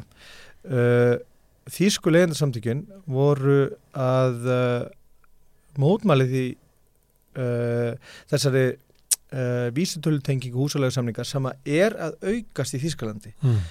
og það er bent á það að ef að framferð sem horfir að þá mun þetta vera risastort vandamál í Þískalandi vegna þess að fleiri og fleiri leigufélög þeir tala um svona eh, hérna, hvað heitir þetta, exponential hérna hækkun eða hérna svona stór um, aukin hlutvarslega hækkun á aukningu í vísutölu tengdum húsalegu samningum. Þeir eru þó ekki nema tve- 2,2% af öllum húsalegu samningum í Þískalandi, en þá. Hvað er þessu Íslandi því? 100%? Já, ætla sé ekki nála því. En þeir eru orðinni 2,2% í, í, í Þískalandi. Og þeir eru ágjur. Já, þeir hafa mikla áhugjur, ekki bara leiðindarsamtökin heldur eru uh, hérna, bæði stjórnmálmenn af uh, sambandstenginu Þíska og í, í þingum uh, svona ímjömsu svæða hafa verið að tjá sig um að þetta sé hættulegt og Þísku leiðindarsamtökin vil hérna bara banna þessa vísutölutengingu leigursamninga en vel að merkja þá er það vísutölutengdir einungis einu svona ári. En þrátt fyrir að þeir séu bara orðinni 2,2% af öllum samningum og séu bara vísutölutengdir einu svona ári þá hafa þýsk stjórnvöld uh, uh, farið fram með umræðum að þetta þurfi að hérna, leiðrétta og þýsku leiðinsamningi vilja banna þetta. Um, þannig að 93% allra leigjenda í Þískalandi eru með svona staðlaða uh, svona almenna samninga. Það eru- íslenska leyendur svolítið miklu máli ef að vísitulega hækkunum kemur bara einu svona ári. 10% verðbólgu 250 skall uh, leiga sem er lálega í dag að þá geti þetta munað svona 150 skalli. Já, ári, Já. á áskundl, já, þetta eru, þetta eru svona um, munar- það munar, það munar um þetta. Já, já, já, minnur um þetta þegar að, þegar að hérna, Er enginn að gera þetta mánaðlega eins og íslendingar? Ég hef ekki, ég hef ekki rekist á það, ég get ekki fullert um það að það sé auksanlega kannski eitthvað ríki í, í öðrum heimsálum eins og í miðarsturlöndum, Afríku eða, Mm. eða Asju, þetta er Ekki nágrenni þetta er ekki Eyjálfu, Bandaríkjónum, hugsanlega eitthvað starf í Suður-Ameríku, ég veit ekki, oft tala um að Argentína sé eitthvað svona svipað og Ísland með verðtríð mm. samninga. Mm. Nú það hefur enda komið svo á daginn að uh, það eru, uh, getur verið að sé uh, framkvæmd á, á vísutölu tengingu húsalegu samningu á Íslandi sé reynlega ólögleg vegna að, að í lögum um verðtryggingu með eiga engi samningar sem eru stittir enn til 30 ára þeir með ekki vera verðtryggðir og þetta er svona einn er hú, húsalegu semninga til að vera til lengri tíma en 30 ára ef þeir eru vísitulega tryggðir. Já, það er allavega í þessum lögum verðtryggingar þá þurfa svona kaupsamningar eða svona samningar, verðtryggjarsamningar að vera til lengri 30 ára. Öðrum kosti er, mega er ekki vera verðtryggur og vísutölu tenging er náttúrulega einn forma, forma verðtryggingu eða bara verðtrygging. Mm. Þannig að við þurfum að skoða þetta betur hvort það hreinlega að allir leigusamningar sem eru til stittir en 30 ára, hugsanlega er vísutölu tenging á þeim bara kól ólögleg Mm. og þetta ætlum við að skoða nánar. Mm. Nú, uh, Má ég fara með til Ástralíu, þú nefndir Ástralíu. Já, Ástralja, Þa, það er merkilegt vegna þess að ég hef sagt frá því hérna áður að, að eftir að koma út skýsla og rannsókn og erindi frá eh, Kristíni Vætet sem er professor í London School of Economics og hefur verið að rannsaka húsnæðismarkaði í Evrópu og Vestanhafs undanfærið svona 20-30 ár að hún uh, kom fram með uh, niðurstöður sína rannsóknar núna í Barcelona í haust þar sem hún nefndi að svona annar og þrý, þriðju kynsluða regluverk á legumarkaði uh, og það væri engar vísbendingar um að uh, þessar konar reglusett hefði áhrif eða letjandi áhrif á fjárfesta á fastegnumarkaði. Það sem það gerði hins vegar var að það fækkaði þessu okkur bröskurum eða spekulators. Nú er að koma fram uh, önnur rannsókn frá ekki bara skóla í Ástralíu heldur uh, heitir Australian Housing and Urban Development Research Institute þetta er sem sagt bara þjóðarstofnun Ástrala Mm. sem er búin að vera að rannsaka þetta uh, alveg aftur til tvö Húsnæðis og mæmurikastofnun. Já, já, þetta er, já, ég veit ekki hvort þetta er svona ígildi þeirra, þetta er svona frekar rannsóknarstofnun sem er að skoða bara reyfingar í skipularsmálum og, og hérna, húsnæðismálum og hefur verið að rannsaka alveg aftur til 2008 þegar að fyrsta svona alveg reglusetti var sett á ástralska legumarkað uh, og svo hefur verið að setja einu svona síðar, þetta er svona tvö reglusett sem eru að rannsaka á 2008 og 2015 og hvaða áhrif það hefur haft á þessum mismöndið tegundu fjárfesta og hvort það hefur haft áhrif á uh, að þeim fækka ekki fjárfestum og, fjárst, og hvort að þeir fjárfestar sem eru fyrir uh, þá hverfa af markaði. Nú við fyrra reglusettið voru, uh, hafið þetta engin áhrif, það hefði engin áhrif á hvort að uh, fyrirtæki og fjárfestar voru fjárfestar á húsnæðarsmarkaði. Við setna reglusettið 2015 voru engin áhrif í það óttin að, að það voru ekki nokkur sem var vel að merkja það reglusett var miklu strángara. Það er að segja reglusettir sem kom fyrir 2018 uh, það hafði ímiðskonu reglu varandi vend fyrir leyendur og varandi uh, sérstaklega varandi leiguverð. Það var settir regla alls konar takmarkarinn á hækkun þar segja að það var hækkun var frjáls en það var mjög erfitt fyrir leigusvalin að hækka. Það þurfti að fara í gegnum ákveðu ferli og leigu upphæðin hún gæti ekki hækkan að þá einu svona ári og það tók það tól... Sýna fram á að það var byggt á einhverjum raunverulegri kostnæður auka hjá honum sjálfum og ég, slíku. Já, þar á meðal og líka það hún tók heldur ekki strax gildi og það er þetta tilkynna eftir ákveðinu leiðum og hún tók svo gildi miklu mun setna og svo var þetta að gera þetta bara einu svona ári. En 2015 þá komum frekari reglur um uh, hérna, og var að setja svona nefnd, eða svona tríbúnal þar sem að leigjandin gatur uh, sem sagt hafnað hækkunu þurfti leigusalun að sína fram á uh, hérna, hans einu aukinn kostnaði eða þess að til þess að hérna, réttlæta hækkunna og þetta er þessu tvö reglusett og en í niðurstöðum rannsóknarna Uh, uh, hérna, er segir bara bæði í ingangnum og í niðurstöðum rannsóknar að þetta hefði engin áhrif á frambóð, á frambóð ekki nokkur einasta áhrif af frambóð. Það sem við mertu í loka rannsóknatímas sem við bindar endar við COVID vegna þess að þetta er á árum 2020 til uh, loka ársins 2021 að uh, það virðist vera að það drægi úr um, uh, sem sagt Ný, nýjum uh, fjárfestingum nýjum frangvandum en þeir uh, merkja það bara við almennt uh, það dróf dró úr mannverkjagerð á þessum tíma. En það eru sem sagt enga vísbendingur um það að svona regluverk sem að kemur til með uh, venda leyendur hafi áhrif á fjárfesta. En þeir segja alveg eins og í rannsóknum London School of Economics það fækkar bröskurum. Mm. og það er meira plás fyrir stopnana fjárfesta og þá sem eru þarna inni að, e, svona, með alvöru gefnum tilgangi. Og það er betra fyrir þá að vera þarna inni þegar braskarinn eru farið mm. Reglunar eru góða fyrir alla nefnum að braskarina Já, það er akkurat, það er eiginlega nýðustöðum Engum ætti það ekki að vendum en íslensk stjórnvöldum þeim það ekki vendum og vilja viðhalda þeim. Já, það er bara svo les Herðu, Svíþjóð, það er nú eh, móðir allra leyendarsamtöka sem eru þar. Já, já, já, já. Öflustu leyendarsamtöki heimi. Já, og stærstu félagsamtöki í Svíþjóð. Já Þau eru með eh, svona samlingsrétt, ekki dósipaði sem bara stjættafélag og verkefælisfélag og þau hafa verið núna í samlingu að gerð við, þau semja um, sem sagt við uh, hvert stórt legufélag fyrir sig mm. og eitt af stæstu... Þú eru að semja við Ölmu. Já, og þeir eh, eru núna nýlega, nýlega búin að vera í samningagerð við eitt af stærstu fastegnarfélagum í Svíþjóð sem er í hluta til eigu sveitafélaga og lífur og sjóða Uh, þeir uh, vildu fá að hækka húsaleguna um 7,5% vel að merkja þá er uh, húsalega í Svíþjóð næstu í 60-70% lægri heldur svona almennt hérna mm. en þetta var hækkun sem þeir vildu, vildu fá í gegn, legufélagi 7,5% náðu ekki samningum og þar tók til hérna, tók við málunum þá svona eins konar sáttasemjari. Það er segja svona leigur verkbann leigufélagsins þannig að rak bara alla leigundur það heim nei, nei, það verðist ekki að vera að skrifa inn í lögin eitthvað svona heimildir nei. en það var svolítið merkilegt, það voru lög sam, fram svona miðlurum tillaga mm. þar sem að uh, kröfum uh, leigjenda, leigendasamtakana og, og, og leigufélagsins var svona uh, að fara svona bílbeggja mm. og þeir heimiluð fjögur og hálfsprosent að hækkun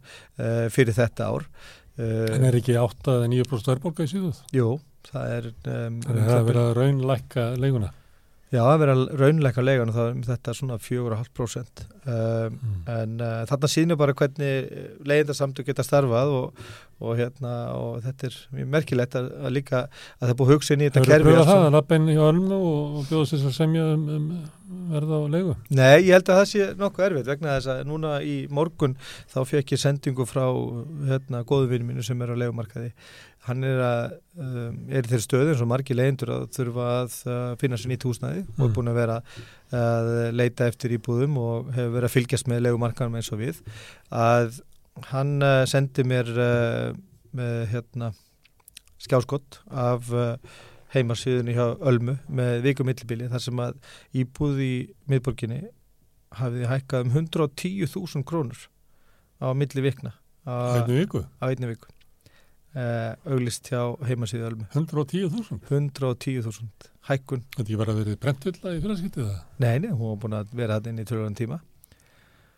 100 Hækkað um uh, 100 áskalla einni viku? 110.000 110.000, Já. hvað er þetta stóri íbúð? hún er 105 metrar og er komin upp í ég með þetta hérna hún er komin upp í maður sjá maður sjá hérna, þetta er hérna sko Fyrra verðið á henni var 270.000 og hún er komin upp í 380.000 krónar mánuði. Uh, Nú, Þannig alveg er að hækka sitt verð alveg að fullu já, 30-40% hækkanir. Eru, og umfram þá uh, hérna vísitöluhækunina já, þetta eru samningshækkanir og svo eru þeim með vísutölu treyða það dögur þeim ekki Nei, það dugur þeim ekki. Og ég sé hins vegar að, að legufélagi Alma hefur einmitt uh, verið að svona, ég sérstaklega tekið eftir því uh, legusamningar sem Alma gerir að þeir eru farin að skrifa mjög mikla svona fyrirvara við sína vísutölu tengingar. Ég held þeir áttu sig á því að hugsanlega er framkvæmdina á þessu bara kólu ólögleg. Nú, Já. Það virðist allt benda til þess að, uh, að hérna, þessu óheimilt að, að krefja leigjandan um vísitölu Já, þetta tekur til bæði þessara samningsregluna sem við búum við bara einna, við það að vera inn á ESO-inu. Þá eru tilvís tilskipunum að erfarsambandir varðandi samningsstöðu fólks og neytenda vend og svo náttúrulega er þetta hvergi skrifan í lögin og líka þetta að uh, samningar til stýttinu þryggja ára er ekki verðri og það er ekki heimilt fyrir því lögunum. Þannig að það verðist allt benda til þess að vísitölu tengdir samningar minnstu til stýttinu þryggja ára eru kól ólöglegur og ef að svo er raunin þá er hugsanlegt bara að leyendur eiginni mikla skadabota kröfur á legusala.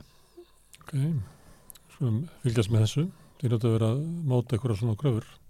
Við erum að skoða þetta, við höfum verið að sækja upplýsingar frá öllum uh, Európulöndum eða 38 Európulöndum um uh, framkvæmt á vísitölu tengingu húsalegu samninga, bæði frá svona hagstofum ríkjana og frá svona húsnæðastofnunum, þar sem við erum að sapna saman þessum upplýsingum og sjá hvernig laga ramminni er í þessum vísmynda ríkjum og hvernig þetta er framkvæmt. Og um, hinga til þessu öðru svo fengjum, það eru uh, gríðalega góð þáttaka leig, leig, uh, þessir, þessir ríki hafa verið mjög vilju til þess að senda okkur upplýsingar og við möttum að vinna úr, úr þessu en það er uh, ljóst bara við fyrstu svona tíu svörum sem hafa komið að, að hérna, frangvendur á Íslandi er algjörlega sér að báti. Herru, það eru samningar óbyrða starfsmanna. Hafið þið vonum að það skilja ykkur ykkur Nei, ég hérna... það er er sem ég bara um stutta samninga og Já, ég, er lítið svo, sem ekki neitt frá ríkinu.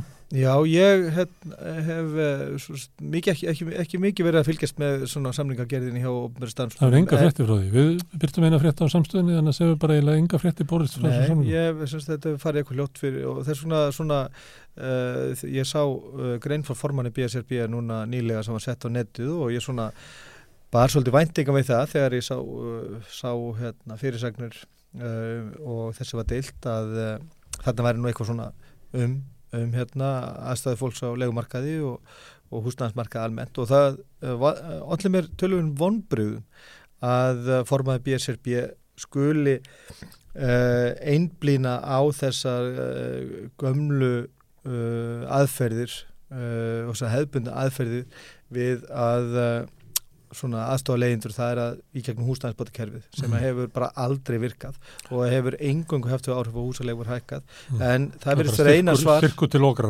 Já, þetta verðist vera eina sem að hún bendir á uh, formaði BSRB sem einhvers konar úræði fyrir leyendur, það er að hækka húsnæðistunning. Það hefur bara aldrei virkað, það hefur leitt til hækkandi húsalegu sem bara bitnar á öllum, öllum leyendum, ekki bara þeim sem eru að fá húsnæðisbætur uh, og fytar etna þessi reikning uh, legusala og hún hefur talað um það að fórsæstræður líka að, að, að það sé líkur á að það gerist og þetta eigi ekki verið til þess. Þess mjög, mjög skríti að, að, hérna, fulltrúi launafólks uh, kom ekki fram með róttakar kröfur eins og um að setja á leigubremsu sem er ekki róttakja eða sínu en bara eðlileg.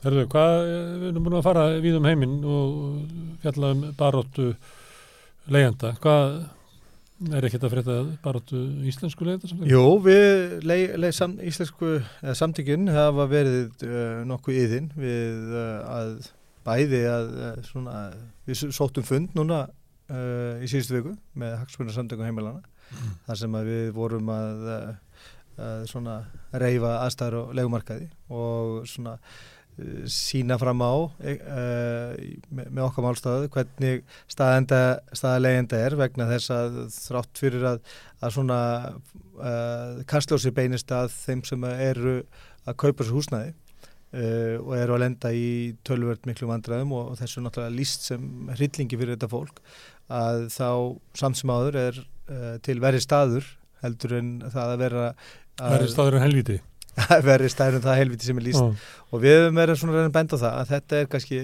sá allra vesti staði sem fólk uh, er á uh, samtökin eru líka reyna Er það svo? Myndur þú ekki óska neinum manni svo illt að vera fastur á íslensku leikumarka? Ég myndi ekki óska nokkrum manni það uh, ekki nema viðkomandi sé tilbúin að láta eftir allt sitt æfistarfi hendur á leikursala og, og, hérna, og verði svo eignalös og á, á legumarkaði á lífeyrisaldri en ég er ekki nokkuð hérna, þetta getur nokkuð við sem að það er ekki nokkuð maður sem óskar sér það. Og ég óskar bara engum að vera á íslensku legumarkaði og sérstaklega ekki uh, börnunum mínum eða börnum annara mm. ég held að margir fólkdra kvíði því að, að, hérna, að uh, legumarkaðurinn hann býður eftir börnunum okkar. Og það er bara reynd helvít að hugsa til þess. Og ég hérna, mun gera allt mitt til þess að annarkort að já eins og við erum að reyna að gera að bæta legumarkaðin og, og hérna og það eru áverð nú er alltaf verið að segja stjórnvöld alltaf verið að skoða þetta og ígu þetta og kanna þetta og skoða þetta og ígu þetta og serðu eitthvað ávinning? Nei, ég sé ekki ávinning á þeim endanum en uh, við höfum uh, bara í dag þá sendum við út uh, fyrirspurt til allra þingflokka og alltingi þar sem við óskum eftir fundi hér snarasta mm. til þess að fara yfir ákveðin allri sem við, við höfum verið að sapna saman við höfum eins og við höfum greint þá í fjölmjölum haldið út í verðlags eftirliti á legumarkaði og þar hefur ímislegt komið í ljós sem að hérna, uh, eh, sínir svo ekki verður umbilst að staðan er alveg gríðarlega alvarleg uh, við erum ítrekkað að fá fréttir af því að það eru 100 til 200 uh, Eh, einstaklingar og fjölskyldur sem sækja um einhverja einastu íbúr sem kemur á legumarkaðin og svo í gegnum þessa eh, yfirfyrir okkar síðustu mánuðin þá hefur við bara séð hvernig leguverðar þróast langt umfram það sem að eh, einn ofnbæra versjá segir okkur og hefur nú okkur þótt nóg um hvað hún sínir og hvað svo vísirtala sínir. Hvað, hvað getur það valdið? Okkur er það? Að, að þið ofnbæra aðilar byrti ekki uh, raunverulegar hækkanir á leikumarka? Já, þeir hafa bara ekkit, uh, já, ég veit ekki af hverju þeir hafa bara ekki gert þetta sama og við erum að gera. Það er að segja, fara bara í svona talningu. Við gerum þetta okkur einsta degi, við bara uh, skráum hvern einasta auglista húsalögu samning og setjum í þar til að gera gagnagrunn og vinnum úr honum uh, tölur um, um hérna, þróun á leguverði en uh, eins og við vitum öll þá er versið húsalegu engungu byggð á, hús, á uh, englistum samningum. sem eru uh, minnihluti samninga en, og það frekar þeir sem eru herri er svo tekju herra fólk sem hefur mögulega efni á því að allavega læti sér hafa það að borga herrileguna að það þingli sér ekki samningunum. Já, já, þú segir bara dæmi sem að Ragnar Þórbyrti hérna den síðustu viku um þess að 375 skonu húsalegu í Tangabryggju að til þess að geta borga 375 skonu í húsalegu og verið þá eins og í þessu tilvilli kannski með eitt barn og jáfnvel tvö björna á heimili að þetta er fjölskyldar sem þarf að vera með vel á aðra miljón í rástofnumtökjur uh, og þú þarf ekki að fara upp fyrir nema 5-6 þúsund sem hjón til þess að hérna til þess að, að húsalegubætina fara að skerðast.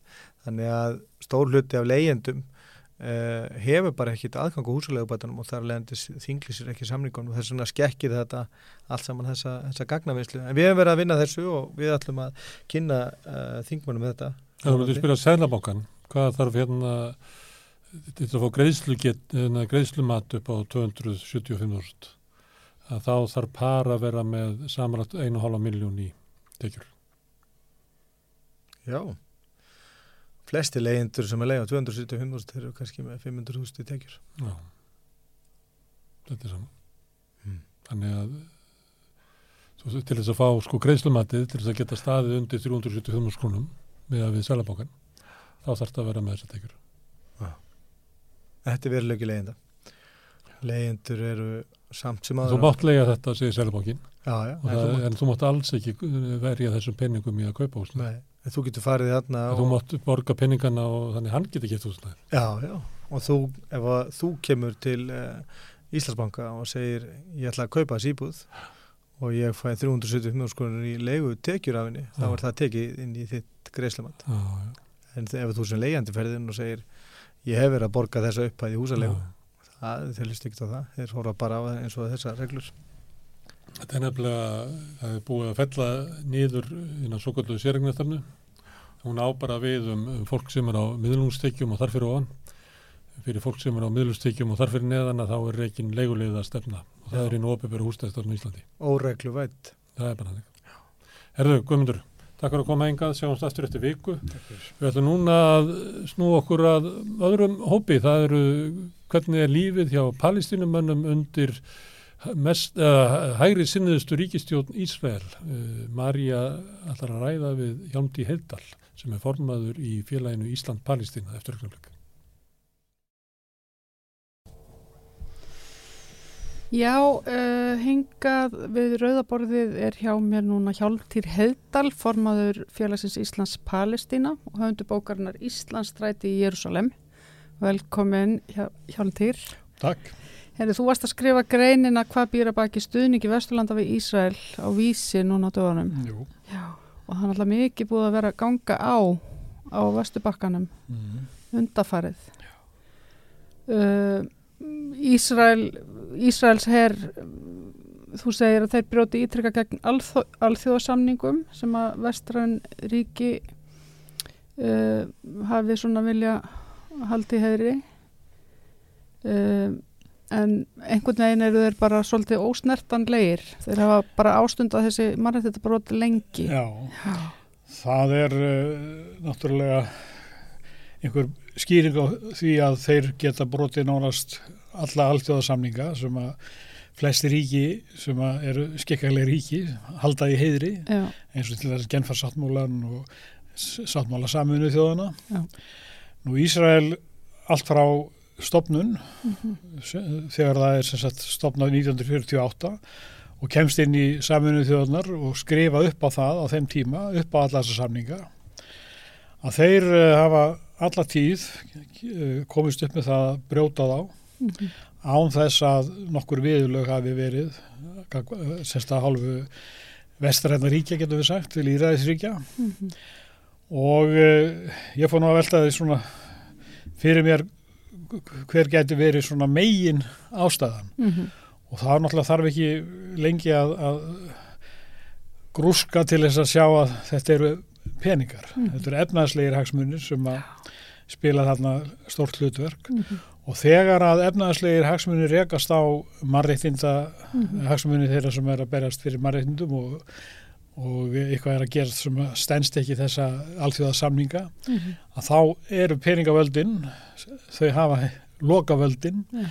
og þá hugsa maður fór ég að hugsa sko, hvað er það sem Ísrael hefur að bjóða þessum uh, stjórnmála þessu stjórnmálafólki sérst í, í vestræna löndun sem að tala um mannréttindi og segja að alþjóðasamninga séu grundvöldur alls samstarfs en loka alltaf augunum gagvart því þegar þeir eru að brjóta Já.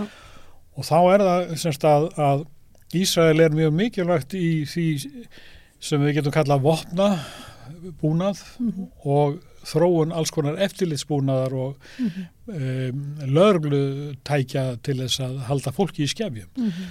og þeir hafa þessa sérstuð að þeir geta pröfa öll sín vopn, getur við sagt á heimavelli Mhm. þeir hreinlega hafa Palestínu þjóðina í, í einangrun eða í hershöndum og þar pröfaðir vopnin sín Já, þeir til dæmis um það, þeir séu bara með tilraunastofu. Já, og þeir hafa efnaðslega hagsmunni af því að ráðast á palestinumenn og Já. sjá hvernig þeir bregðast við Mhm. og, og hvernig er hægt að meðundla þá og hvernig er hægt að njóstnum þá. Þeir eru að Mhm. setja núna upp mjög þróað njóstnakerfi á vesturbakkanum, það sem að um, hver einasti palestinumæður á endanum, konur og börn og fullornir verða skráð í gagnagrunn, það sem er allt um þá, fjölskyldu tengslin, mentun, vinn, uh, stjórnmálaskoðanir ef, Já. ef það er líka á lausu. Nú síðan eru þeir líka að þróa uh, vopn eins og til dæmis uh, þegar þeir voru gera árás á Gaza, sérstaklega 2008-2009 þá voru þeir að pröfa nýja tegund af uh, sprengikúlum og voru aðalega í því að skjóta í lappir á, á fólki. Og þá sprungu sp- kúlurnar og lappirna tættist undan fólki. Og ég fór, ég var á Gaza sem stuttu eftir þetta og ég talaði við lækna sem höfðu verið að stúdera þetta og hjálpa fólki sem að orðið fyrir þessu. orðið fyrir þessu og fullt af sérstaklega ungu mönnum sem hefðu haft sig frammi í, í mótmælunum, hefðu mist fætur, jafnvel báðafætur Já. og þeir síndu mig myndir af þessu, sagt, þessum uh, sárum eða, eða hvernig fæturnir voru sprengtir undan fólki og þetta hefur bæðið þann tilgang til að segja fólki sko að vera ekki að uh, mótmæla Mhm. og líka maður sem er orðin öryrki, hann er meiri byrði á samfélaginu heldur en sá sem að getur unnið. Einmitt. og þetta er svona uh, meðal annars tilgangurinn á bakvið þetta. Og, uh, og þeir sérst fara síðan um allan heim á vopnasýningar og svo eru líka stóra vopnasýningar í Ísrael. Og þar kynna þeir nýjustu vopnin og eins og eh, fyrirverandi vardamálaráð þeirra Ísrael sagði 2001 minni mig, hann var spurðar að blaðamönnum, "Bíddu, hvernig stendur því að ykkar vopn eru svona vinsal já þau eru svo vel, þau eru þöl reynd, það er búið að prófa þau. og hann var náttúrulega að segja bara sannleikan um það, þeir, þeir bjóða engum vopn sem ekki búið að pröfa. Er óglætt og, og en sko aðra þjóðir taka þátt í þessu líka og kannski þjóðir sem eru í, í stríðsrekstri eða, eða einhvers konar sko, stríðsmangi. sko, milli bandaríkjana og Ísrael er mjög sterk hernaðar taug, getur við sagt. Og bandarækjumenn bæði sem sagt eh, látaði yfirleitt fá eh, sín nýjustu vopni eins og þotur og annað. Og þeir senda líka lögurglumina til þess að læra taktíkina eða tæknina hjá Ísraelum. Já. og það er bara eh, sagt eh, stórum stíl. Leinu þjónusta í Ísraels alveg löngum verið fræg fyrir og svo er eitt sem að gerist með Ísraelsku vopn að það, er engar hömlur það er engar kvaðir ef þú ert sem sagt uh, kemur frá einhverja alræðis eða einræðis í ríki sem kúar alveg grimt uh, fólkið. Að þá er ekkert, og ert kannski að í stríði við nágrannin, þá eru sko allar þjóðir ég segi ekki allar, flestar þjóðir setja hömlur, hvert þeir selja vopnin, Já, segjum bara eins og svíjar að þeir vil ekki selja á þetta átakasvæði. Ísrael hefur engar svona kvaðir það er engar hömlur. Og þess vegna þegar það eru síning, vopnasýningar að þá koma fulltrúar frá alls konar ríkjum uh, út um allan heim sem að, þar sem að eins og bara Myanmar uh, þar sem að er mikil kúun, herin kúar fólk hann getur keift hvað sem er Já, frá Ísrael, hvaða vott sem er einmitt. það er ekki að sína fram á neitt Nei. að þe- þetta fari að þeir sé að vinna sem sagt Mhm. samkvæmt einhver mannreitindarsáttmálum Nú er svolítið uh, sérstætt ástand í Ísrael núna uh, í bara tengslu við bara atbyrðina núna síðustu vikur er náttúrulega hérna uh, Netanyahu og hans hægri Já, stjórn alveg sko ofbóðslega íkt núna í, í sinni hægri mennsku og, og bara fasisma. Já, það eru náttúrulega rosalegar andstæður í Ísrael. Já. Það er fólk sem trúir því að þarna sé eigi að vera líðræði og eins og bara líðræðisríki með óhá dómsvald og frjálsa bladamenn, eða fjölmiðla, frjálsa fjölmiðla. Já, og svona á yfirborðinu er það, hefur það verið þannig í Ísrael og þar eru kostningar og þar bjóða með fram. Já, og Netanyahu sem er búin að vera fórsætstræðar nokkuð lengi og misti síðan völdin en hann er sá sem að sko það er alveg þráður sem að gengur í gegnum allt stjórnmála lífi í Ísrael að menn eru mjög gætnan sakveldir eða ákærðir fyrir mútur og spillingu. Mhm. Og það, það er langur listi af stjórnmálamönnum og ráðhörum og Já. fólki sem hefur þessum að fara í fangelsi Já. eins og hann hérna Olmert sem var fórsæstir ráðara og var hérna borgarstjóri í Jérsalm Mhm. hann var það að setja af sér semst einhvern tíma vegna spillingar og, Mhm. og eitt fórsetin ekki til alls fyrir löngu var settur af Já. fyrir, það kynferðisbrotum sko. Mhm. nema það að Netanyahu hann á yfir sér dóm Mhm.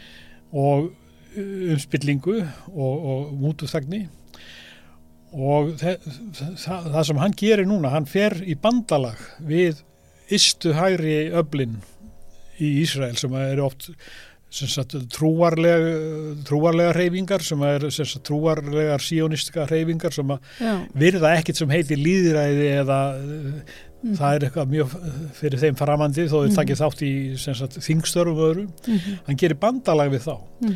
og til þess að bjarga sjálfur sér með því að halda meiri hluta og halda embætti þá er hann að reyna að- forðast sem sagt að lenda endanum fyrir dómstól Já. og líka hann er að reyna að veikja dómskerfið Já, já, og þessir uh, ráðherra sem hann hefur núna um, valið Mhm. og eru fulltrúa fyrir þessa flokka sem er þarna uh, þeir eru alltaf ist til hægri þeir eru kannski komnið bara út úr allur litrói maður veit ekki hvernig það eru, sko. þetta er náttúrulega byggt á trú sko. Já, já.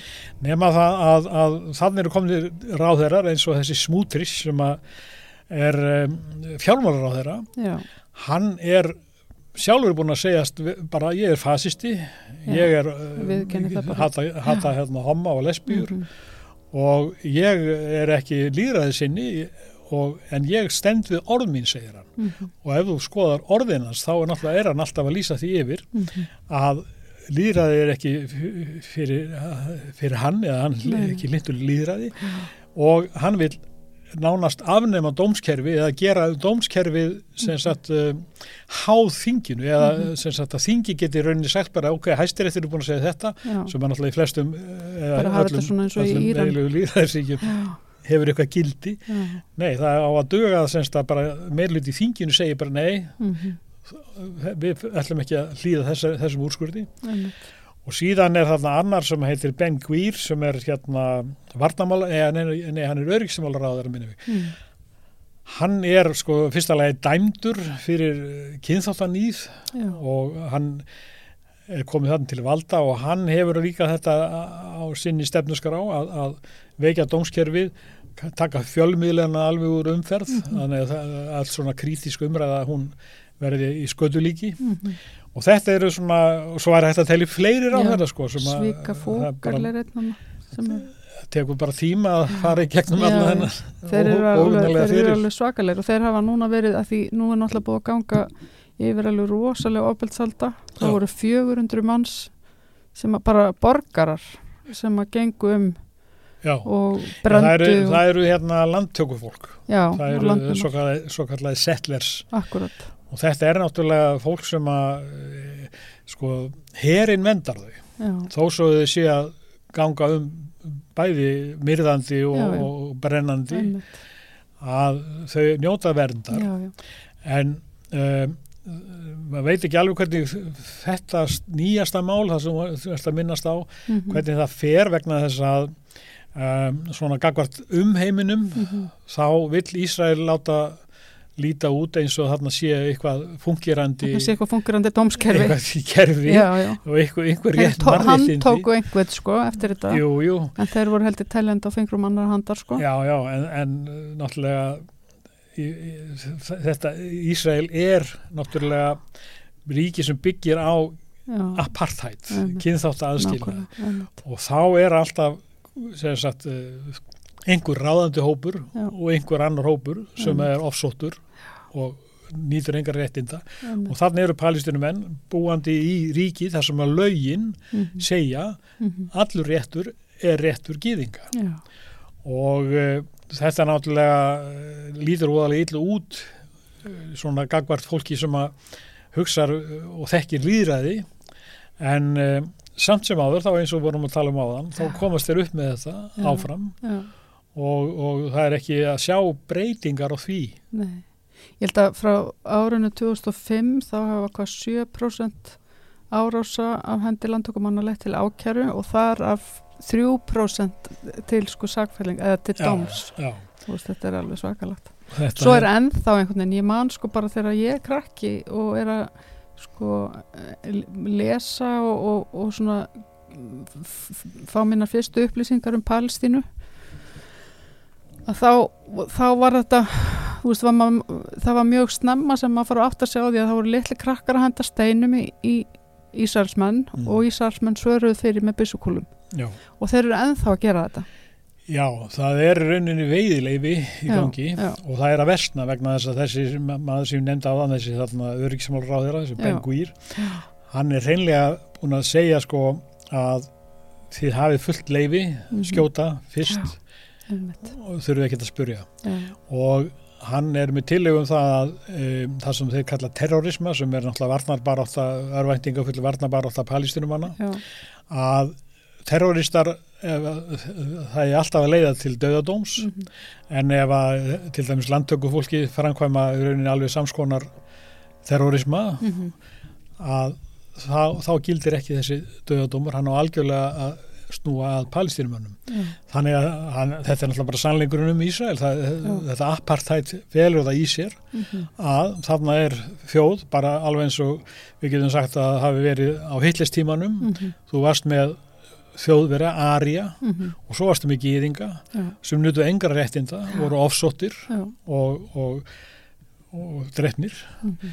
og þetta er alltaf þróast lengra og lengra í Ísrael í þá átt og það er náttúrulega að því að síónismin sem að er svo hugmyndafræði sem að ræður þarna, hann byggir á rasisma. Já. Hann segir sem sagt að einhver einn hópur hafi sérstöðu ættflokkur sé já, umfram betri umfram annan já.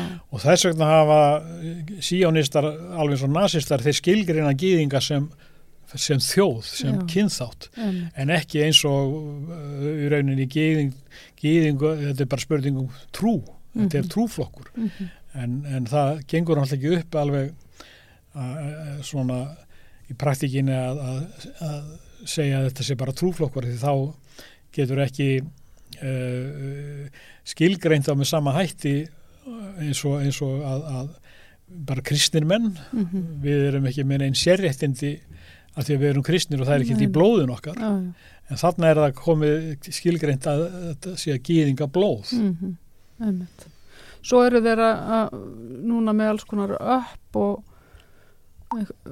snjall sem að fóru til bláa úlfin og þeir eru bara skrásetja Já, já, það er náttúrulega svona, sko, man, þetta, þetta eru íslensk erðagreining í hug sko Já, já Gagngrunurinn nema þannig er, er þetta pínlítið öðru sig þeir eru bara jú, jú. Þeir eru náttúrulega að líta ekki á fólki. palestinum enn sem sko manneskjur Nei, frá blötu barsbeini þá læra Ísraelar að þeir séu óæðri palestinum enn séu óæðri og það sem miklu auðveldar að meðhöndla þá sem bara eins og, eins og bara skepnur. Mhm. og þess vegna leifaði sér að, að vera með allan ennan eftirlitsbúna og svifta palestinum enn allir í fríðhelgi og, og, og, og, og þeir sko þróa þessi eftirlit, þennan eftirlitsbúna líka vegna þess Mhm. að þetta er söluvara Já. og þeir græða stór fjö á því að selja að út um allan heim já, þetta er eins og með vopnin bara Já, Já. og Þessi þetta, þarna vopnabúna. sérhafa þessi og hafa þennan vettvang sem eru palestinumenn Mhm. og vegna þess að þeir líti ekki á palestinumenn sem fólk sem hafi nokkur réttindi Mhm. þá geta þeir lift sér þetta að þróa vopn og, Mhm. og búnað sem að myndi náttúrulega já, þetta væri að gerast einhvers staðar annar staðar uh, í einhverju öðru landi að það væri tekin fyrir svona uh, einn hluti íbúana og gerður að tilrænadýrum Mhm. það kemur nú mögulega hljóður hodni já, einmitt. Um, já. En hvað getur, þú veist, hvað, er, er einhver svona viðleitni hjá al, alþjóðlega samfélaginu að, að skerast í leiki núna þegar þetta hefur verið að hitna núna í kólanum það nú ekki komið svo langt sko að því að eins og við vorum að ræða áðan sko þeir hafa vissa fríðhelgi Já, Ísraelar, það er Mhm. nokk sama hvað þeir gera, þeir held áfram í Eurovision, þeir eru áfram í íþróttasamstarfinu og, og menningarsviðinu, það, Mhm. það er engar, það er, engar, það er ekki sama uh, sömu kröfur um viðskiptabann eins og var á rúsa núna? nei, sko, sko í sjálfur sér hvort sem maður, ef maður skoðar hvað Pútín er að gera, hann er að Mhm. ræna landi Mhm. og hann er að drepa fólk Já. og hann er að lýsa því yfir að Úkraínu menn séu ekki til eða þessi einhvers konar óðera fólk Mhm. Uh, við náttúrulega erum að horfa á þetta í bein útsendingu Mhm. Ísrael er svona alveg á sama róli og, og, og, og þeir eru náttúrulega um, að gera í, í sjálfur sér sömu hlutina Mhm. en uh, vestrænlönd þau segja að Pútín hafi sér farið yfir strikið Mhm. hann reðist á, á fólk sem að semst, var að leið, vildi þróa sitt ríki til líðræðis Mhm. Og vildi búa í sínu eigin landi Mhm. hann fór yfir þetta strik og það er búið að setja svona 8-9 þúsund efnahagsþvinganir á stopnarnir, fyrirtæki og einstaklinga í Rúslandi Mhm. af því að fór, hann fór yfir strikið. Mhm. Ísrael er náttúrulega löngu búið að fara yfir strikið Mhm. en af því að það eru svo mikil hagsmunni, þeir hafa svo bæði góða áróðursmenn, þeir Mhm. hafa svo mikil tengslinn í stjórnmáli elítur vestaræna, vestaræna heimsins Mhm.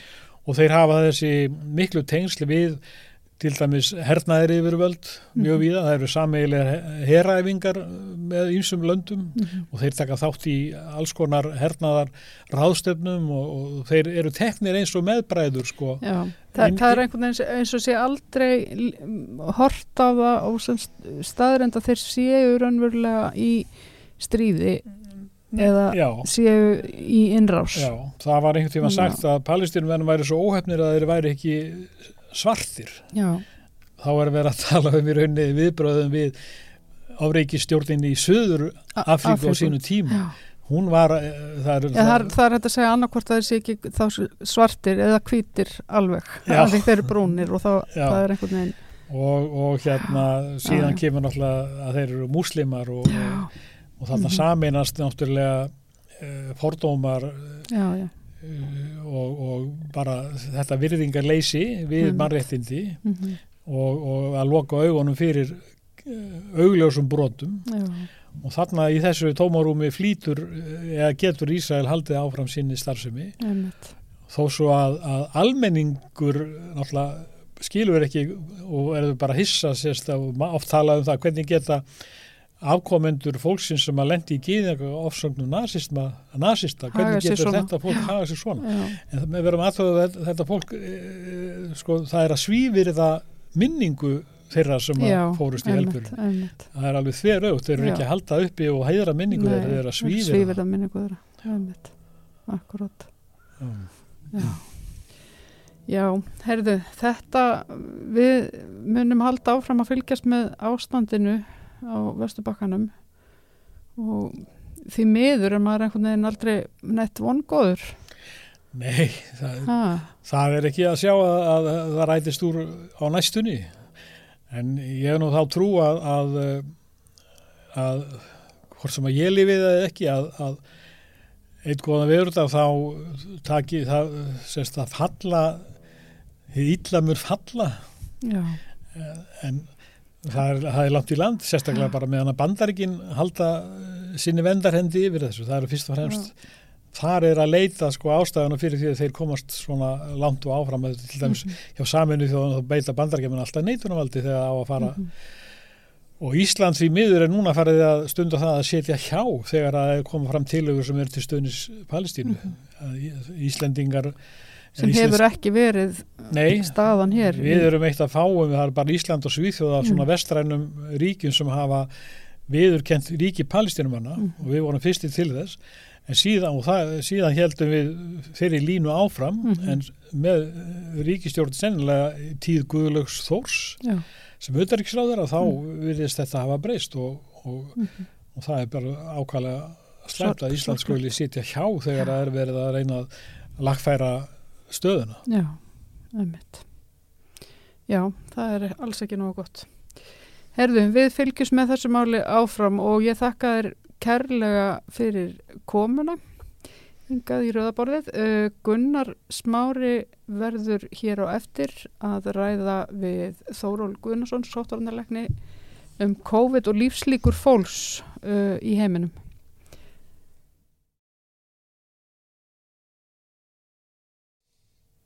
Já, eh, COVID er komið aftur á dagskrá, ekki bara út af uh, heimildatháttaröð sem að ríkisútarpið sínir á sundarskvöldi og þeir sem að hafa þreg til þess að horfa eh, eru límdir við skjáin að þeir passa sig að horfa ekki eru búin að fá nóga COVID. En það líka komið náttúrulega frétt í síðustu viku sem að kannski er bara frétt þessa, þessa tíma að, að, að, að það er kallað umframdöðsfull að það dóum 200 fleiri í fyrra og hægt að tengja það einhvern veginn COVID. Og svo hafa líka verið fréttir víða um heim sem hafa verið bent á uh, minkandi lífslíkur. Að sérst áhrifin af COVID sérst í línuritum sem að sína lífslíkur þjóðana og bara heimsbyðurinnar og þegar við erum að tala við um COVID að það var gáðulegsta sem að gera er að fá Þorvald Guðnarsson að borðinu.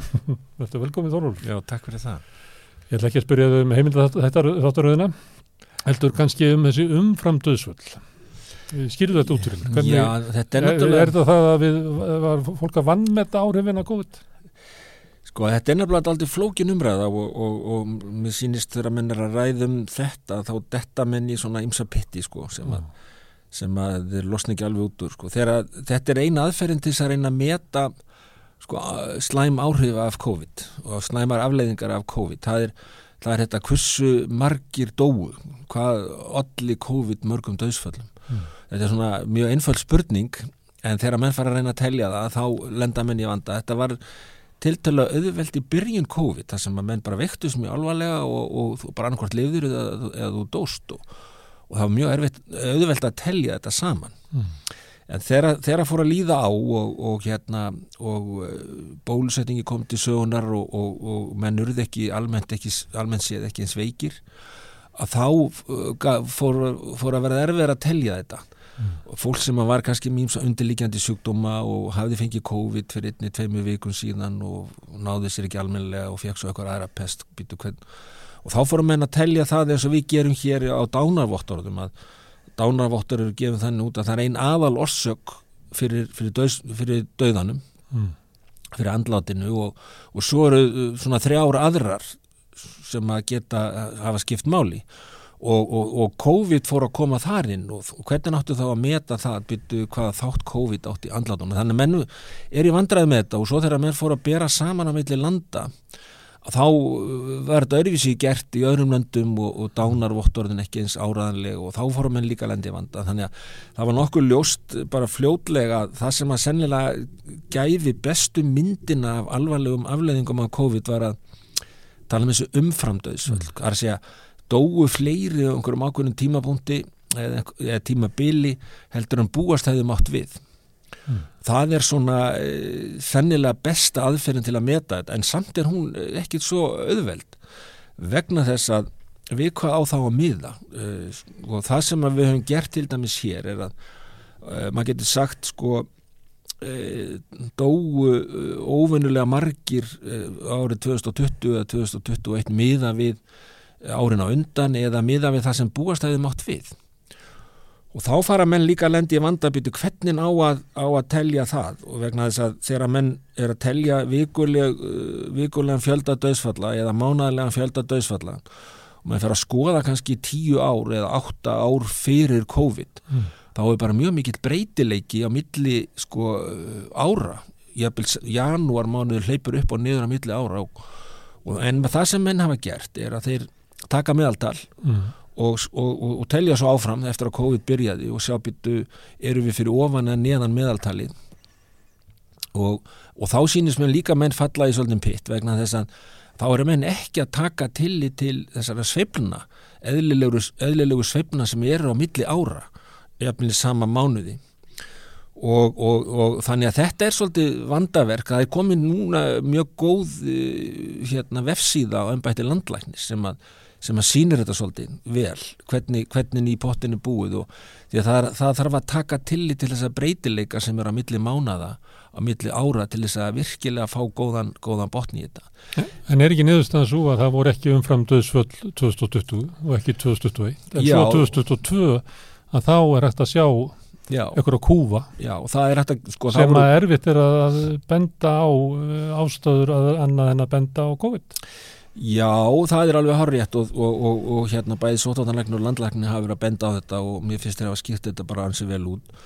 Sko, það voru þarna nokkri mánuðir, eh, ef við tökum sko meðaltalið fyrir COVID eh, og ég tók þetta saman áður en ég hætti og fylgdist vel með þessu, ef við tökum saman sko meðaltal uh, sko árana og á hverju mánuði fyrir sig uh, í kannski átta ár fyrir COVID Mm. og, og, tók, og tókum tillit til þessa breytileika sem var að milli ára það er að segja þetta öryggispil sem að, sem að eh, 95% og allt sem er innan öryggispilsins getur maður sagt og það er gert með ákveðum tölfræðilegum aðferðum Mm. og allt sem er innan öryggispilsins að það er svona tilherir eð, eðlilegum sveiflum á milli ára Mm. Það sá- gætu gert það. Já, gáti ekki. ég, já, eða þetta er svona þessi tölfræðilega er oflítið breytileika. frávik til þess að að fara að draga ykkur álíktanir af því. Já, sko, þú ert með ákveðin frávik og þú ert með ákveðin, og þess vegna gerur þessu öryggispil, segir sko, ég er 95% öryggur um að, að, að, að, að, að frávikin geti svona eðlileg frávik er innan þessa bils og ef að þú ef að þú eh, gerir það og eins og við gerðum þá og þá kom því í ljós að það voru þarna nokkru mánuðir bæði eh, 2020 og 2021 það sem að voru óeðlilega fá döðsföll Mm. uh, sko miða við þessi ára undan voru, voru fyrir utan þetta öryggispil og hvernig, hva, hvernig kann staðið á því? Jú, það held ég að hafi verið nokkuð auglust að það var út af þessum aðgerðum það uh, voru fáar síkingar almennt séð í samfélaginu. Þannig að það náði uh, náðist að venda eitt sérstaklega eldra fólki mjög vel. En svo gerist það bara að þegar þú ert með óvennilega fá döðsföll uh, tvö ár að það kemur á skuldadögum einhvern tíman að þannig að þeir sem að sluppu þá að það, og sérstaklega eldra fólki það kemur að því að það deyr þá setna og þá kemur óöðlegu kúfur eða maður getur búist við þessi óöðlegan kúf þegar að, þegar að, þegar að, að því kemur Mm.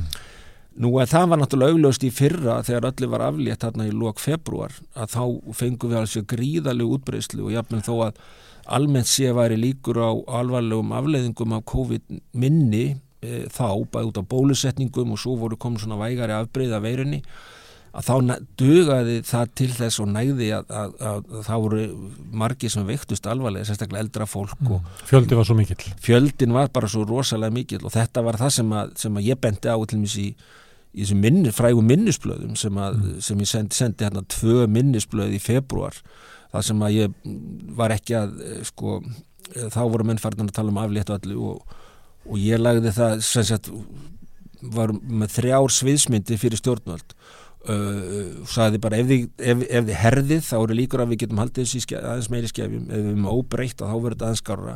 Ef við sleppum þessu lausu þá er mjög líklegt að við fáum mikla útbreyslu og einhverja alveglegar afleiðingar og, og mér sýnist það að hafa gerst. En þarna varst þú hættur að leggja til svona eina línu og þá var það að byrja að taka tilliti til þess konar hvað væri eiginlega mögulegt að fá í gegn hvað samfélagi þóldi þannig var Já, það var nú Þannig kannski, já, þarna- það var nú líka þurfti að, að vikta saman raunverulega, en, þurfti pólitíkin að taka ákvarðans. Já, það sem ég gerði vegna þess að þetta var náttúrulega orðið svolítið svona eh, umræðan var orðið svolítið, svolítið svona stíf og erfið og þannig að ég sá að og þetta er náttúrulega og, sko voru náttúrulega stjórnvald sem réði þessu það er að segja ríkistjórnin sóttandalækni tilheyri víst stjórnvaldum líka Mm. en, en það er, er ríkistjórnin sem ræður þessu og ráðherra réði þessu og þessum tímapunkti þegar, þegar ég sá fram á það að þetta yrði yrði sko, sko mjög erfið umræða að leggja til harðar aðgerðir þá í februar fyrir árið síðan og þannig að mér fannst réttast að, að, að leggja fram þrjár sviðsmyndir sem að og, og, og rögstíða hvað myndi gerast í kjölfærða hverju þeirra og þannig að menn höfðu þarna val um, um að gera Og það gekk eftir það sem að afleðingar þessum betur á. En fréttinnar í síðustu viku voru það að um að væru, umframdauðsvöldin væru alltaf 200 uh, og þá mætti ætla, minni með að fréttinnar hafi sagt, að hefðu alltaf 400 manns dáið úr COVID í fyrra. Uh, Af hverju er, er þetta óljóst? Já, þú lístir þannig hvernig dánavottur eru skrifuð. Já, Hvernig getur maður dáið úr COVID á þess að það komi fram á dánavottur? Nei, það kemur á dánavottur en það kemur bara ekki sem aðal orsök, það kemur bara sem meðvirkandi þáttur og skilgreiningin er svo að, að, að viðkomandi hafi uh, fengið COVID á síðastlinnum, ég man nú ekki nákvæmlega hvern tímarammin er, hvort það er tver vikur eða eitthvað svo leið sko. Þannig að það getur, það getur verið mjög erfitt að segja hversu stóran þátt átti COVID í þessu andláti. Og- og, þá er það að tala um að þú hafi fengið COVID, þú ert tröfulega með COVID, það er ekki það og sért búin að fá COVID að sé einhvern veginn að mæla það í þér. Ég, Þetta er að þú ert bara með veikina eh, Nei, ekki, ekki endilega, þú Nú. kannski fegst COVID fyrir tveimur vikun síðan og varst bara slappur og, og mögulegur og svo fegst eitthvað annað og onni það Já. og þá myndi menn segja sko, og, og lést og, og, og þú deyrð sko, eða viðkomandi deyr að þá er það, er COVID kemur það fram á, á hérna dánavottur sem meðvirkandi e, sjúkdómur. En þegar þú sér þetta svona kúfa sem að koma á sama tíma í þessum umframdöðsföllum á sama tíma og eru svona bylgjur að ganga yfir, er það tilefni til þess að endur með þetta að kannski var COVID stærri hluti af ástæðum þess að maðurinn dó eða, eða fólkið heldur Já. en var talið? Er, er Nei, það, gefur þetta tilefni til þess að endur með þetta alvarleika COVID svona aftur á bakk? Jú, jú, ég held að sko menn eiga eftir að gera þetta upp og, og, og skoða þetta og, og komast að einhverju svona samkomlega hvernig, hvernig ná að telja þetta og ég held að sé allir sammála um það að, að alvarlegar afleðingar af COVID eru miklu meiri heldur en þess að 7 miljónir manna sem að talið er að hafa látist af völdum COVID það, ég held að sé allir sammála um það að talan er herrið við vitum ekki hvort hún er hærri hér uh, einfallega vegna þess að það búið að testa svo rosalega marga, var margir prófaðir og en í mörgum löndum var þetta ekki prófað mikið og, og, og, þá eru fleiri sem hafa raunverulega látist þannig ég er sammála því að ég held að sko alvarlegar afleðingar af COVID eh, eru meiri heldur en, heldur en við vitum og, og, Og má ætla svona almennu umræðu. Já, ég held það og, og, og líka, svo, svo gleyma menn líka að tala, sko, þó menn hafi ekki dáið, það er þessi, þessi, long COVID, Mm. þessi langvarandi áhrif af COVID sem eru bara miklu meiri heldur en við aðra sýkingar sem, sem við höfum séð og, það er það sem að menn er að berjast við líka, eins og, sem kom fram í umræðinu hér að, að alltaf 10% er að þeir sem að fengi COVID geta átt við langvarandi eftirstöður að stríða eftir COVID og það er líka mjög alvarlega afleðingar að fólk sem var kannski fulli fjöri og er bara sko mánuðum og árum saman sko frá vinnu og getur alltaf hreift sig Þannig að meða við döðsföllin að þá getum við sagt að öllum líkitum þá er, hefur COVID verið alvarlegra heldur en almenntir talið. Ég meina þú náttúrulega ert inn í einhverju svona umræðu lækna þannig að ég er bara að vísa í svona eins og samfélagið tók þessu. Einhver leiti tók samfélagið þessu líka bara að við bara meikum þetta ekki lengur þessar sótvaldir, nú ætlum við bara að lifa með COVID -hmm. og bara setja okkur við það já, en í því er náttúrulega ákvörðum að maður líka einhverju er bara að deyja með COVID já, Já, það er að alvarleikin er meiri og svo líka erum við kannski komið mjög skamt uh, til þess að geta eiginlega metið þessar langvarandi afleðingar það að hafa vext. já, við möttum að sjá það betur og, og ég held að sko vegna, vegna þess að, að því að við erum að skoða þessu umfram döðsföll að segja þess fjöldan sem að sem að er, er meiri heldur en búistæði var við í, á, á síðasta ári að þá, að þá hérna held ég að menn, menn sé að nú að sjá það að, að, ja, að döðsföllin í fyrra hafa verið sko fleiri heldur en menn heldu ég held að þau ekki verið fleiri til dæmis 2020 og 2021 Mm. vegna það var bara svona miklu það var alveg skýrt og skorunar hverjir raunverulega dóur COVID þá uh, tilfelli voru ekki svona mörg í samfélaginu þá líka Þannig að þetta, svolítið, þetta er svolítið öðruvísi og það er líka mjög áhverð að skoða til dæmis alþjóðlega stopnarnir hafa verið að skoða um, umfram döðsföll og lífslíkur eh, á tímum COVID. Mjög góð vefsíða hérna World in Data til dæmis. Já, Það sem þeir taka saman. Við vorum að byrta gröf, hérna, við erum með fréttasíðu hérna, samstöðin.is og vorum að byrta gröf úr þessu Já, og, það- þau eru sjó, bara, það er sjokkar að sjá þetta. Já, sko, og þá sér maður líka að sko, þau eru að taka gögn frá eins og The Economist byrta þetta uh, alþjóða heilbyrðismálastofnun byrtir og svo eru þau sjálfur með þetta þannig að taka þetta víða að þetta er ekki eitthvað svona einsleitt sem þeir eru að gera þetta. Og þá sér maður, sér maður líka að þetta er svolítið mismunandi og breytilegt uh, og, og, og það- landa, Ha, milli landa. Já, já, bæði millir landa og líka eftir því hver er að taka þetta saman vegna Já. sem, og það sem að þeir gera að því að við vorum að tala um aðferðafræðina og þetta er ekki svo auðvelt að þeir búa til svona uh, líkan sem, sem að skoðar fjölda döðsfalla aftur í tíman og taka tillit til sveifluna þannig þeir eru ekki bara að taka meðald, beint meðaldal, þeir eru taka tillit til sveifluna millir ára og byrta þannig líkur á fjölda döðsfalla á Íslandi, hvað hva, hva hefði mótt búast við.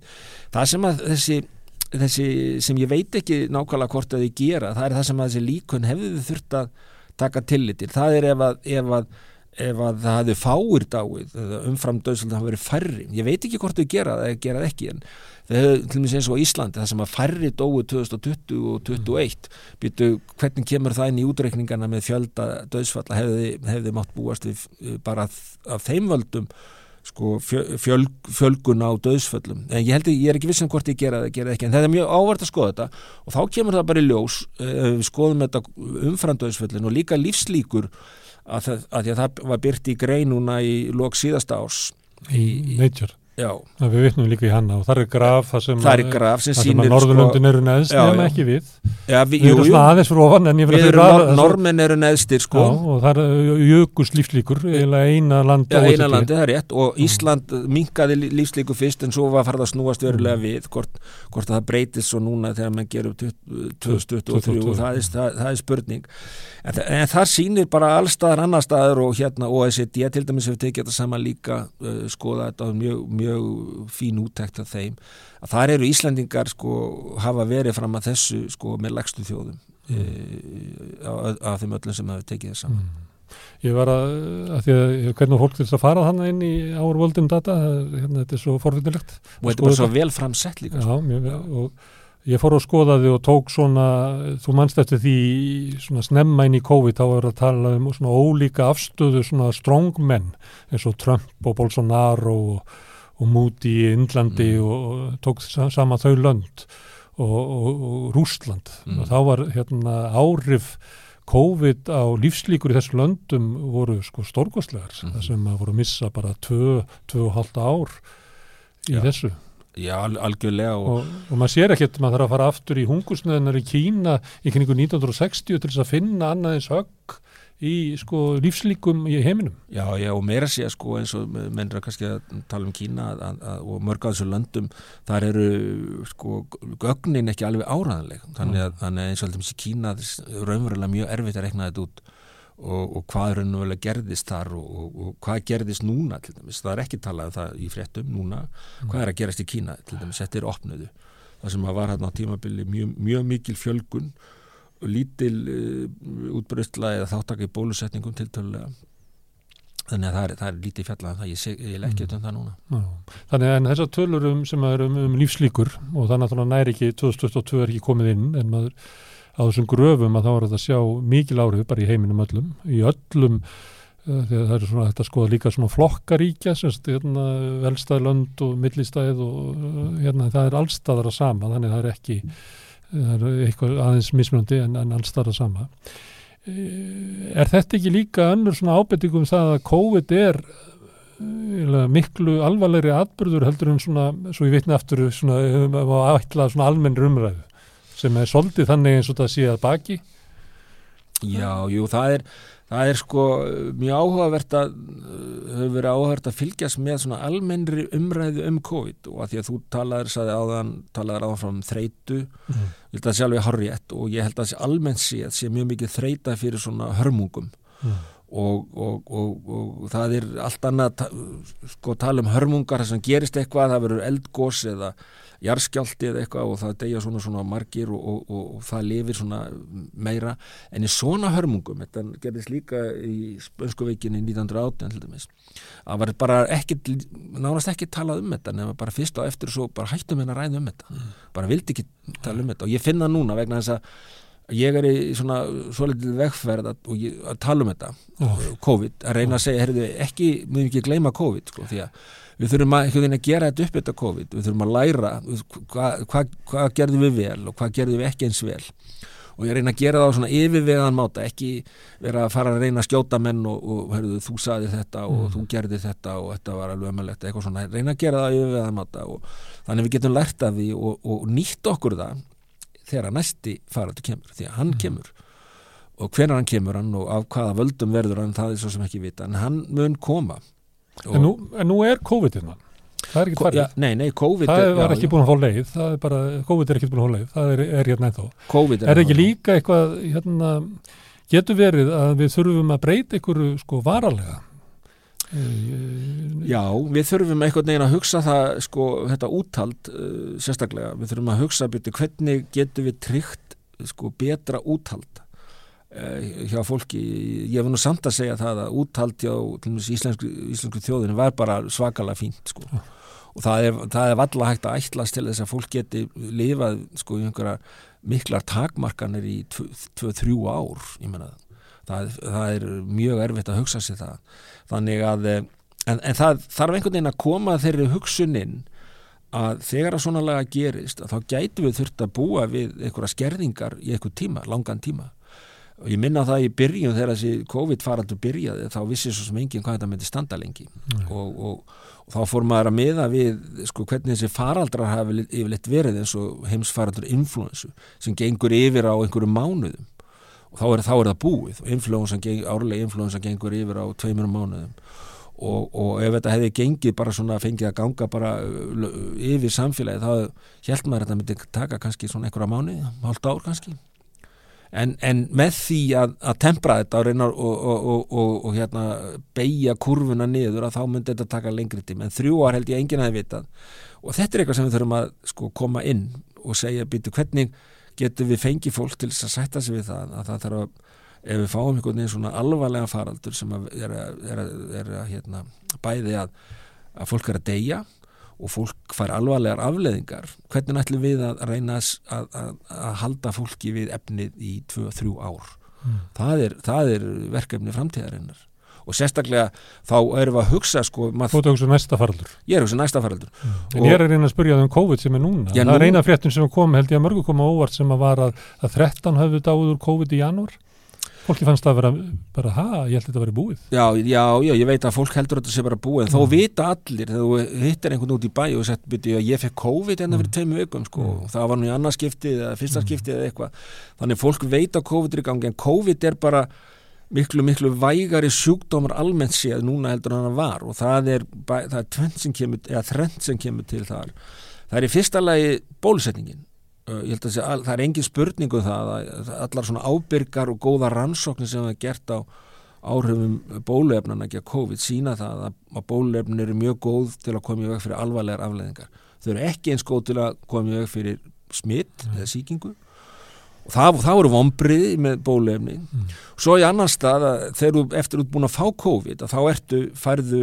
getur fengið COVID aftur en, en færðu það vægar en áður allir jöfnu og, og hérna þannig að, að þetta er eitthvað sem að sem er takmarkjur en að vera að reyna að halda, halda faraldurinn með skefju með að vera að finna einhverja, einhverja góð ráð, einhverja góða lækningu, gott bólefni til þess að, til þess að milda eftirkostin mm. og það hefur líka verið sínt til mis fram á það að þessi, þessi long COVID að langtíma afleðinga COVID sem að kannski 10-15% af fólki getur fengið að þau eru miklu, miklu sjálfgjaferi hjá bólusettum heldur en óbólusettum sjáum líka til þess að þú tala við lækna á landsbítalanum sem er að fást við þessa sjúklinga og er að annast á allt annað að, að, að annast þetta fólk sem er bólusett heldur en óbólusett það er allt annar sjúkdómir mm.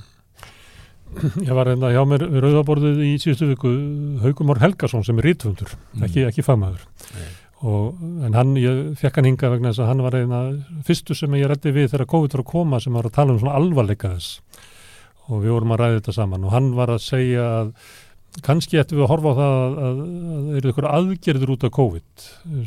Og vitnaði í kóleru faraldrarna þegar menn uppgötuðu hérna hvernig kólera dreifist að þá var tekið til í, í vaskgæðum í borgarna hann sagði kannski ættum við að fara að huga loftgæðum, þannig að við ættum að nota þennan hérna faraldur til þess að bara bæta loftgæði í húsum og loftræstingu og við erum nú með svona tæki sem að hérna, dregur úr síkingum sem að hérna, nota hérna inn í þessu að við erum ekki með glugga á, á þessu herbyggi mm.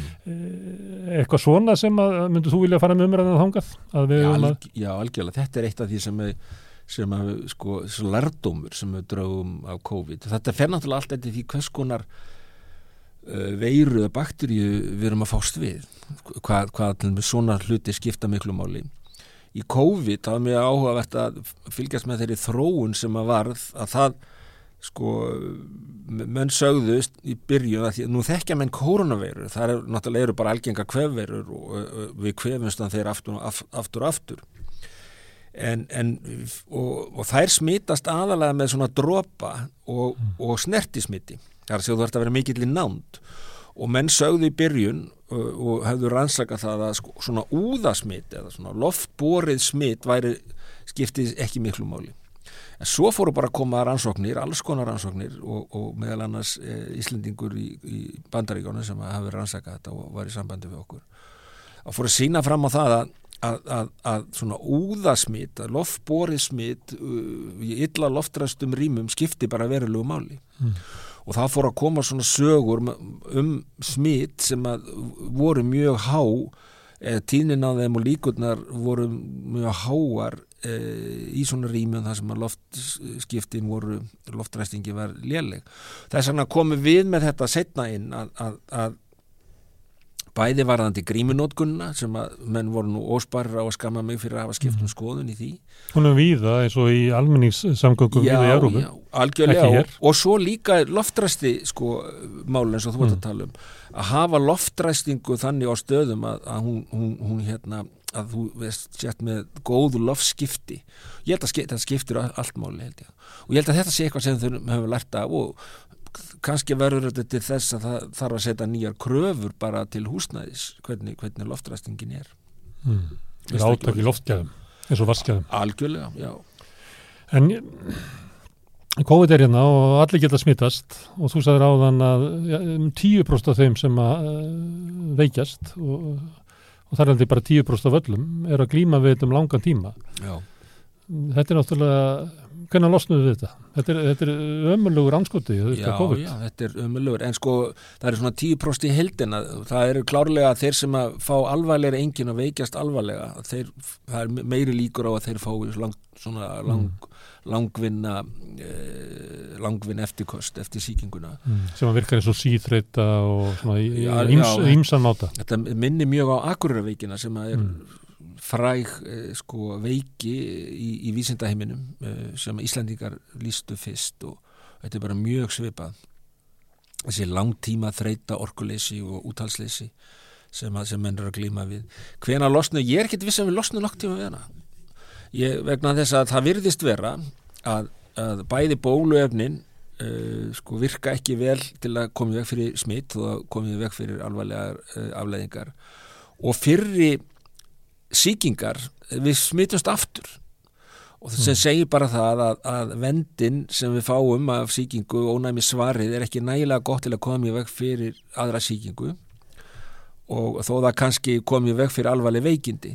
Þannig að ég menna mér finnst ekki óleiklegt og að þessi koronavera, það er að segja COVID-19 eða SARS-2 eins og hún heitur nú að hún hefði, hún verði bara eins og aðrar koronaveir komið bara og við fáum bara kvef og kvefumst aftur og aftur eins og við gerum af öðrum koronaveir komum bara árlega bylgjur af henni. Já, já, já, og, og mér finnst það mjög líklega þetta er svona vetrarpestir korona, aðrar koronaveir og mér finnst lang líklegast að þessi koronaveira munni bara fari það fari líka.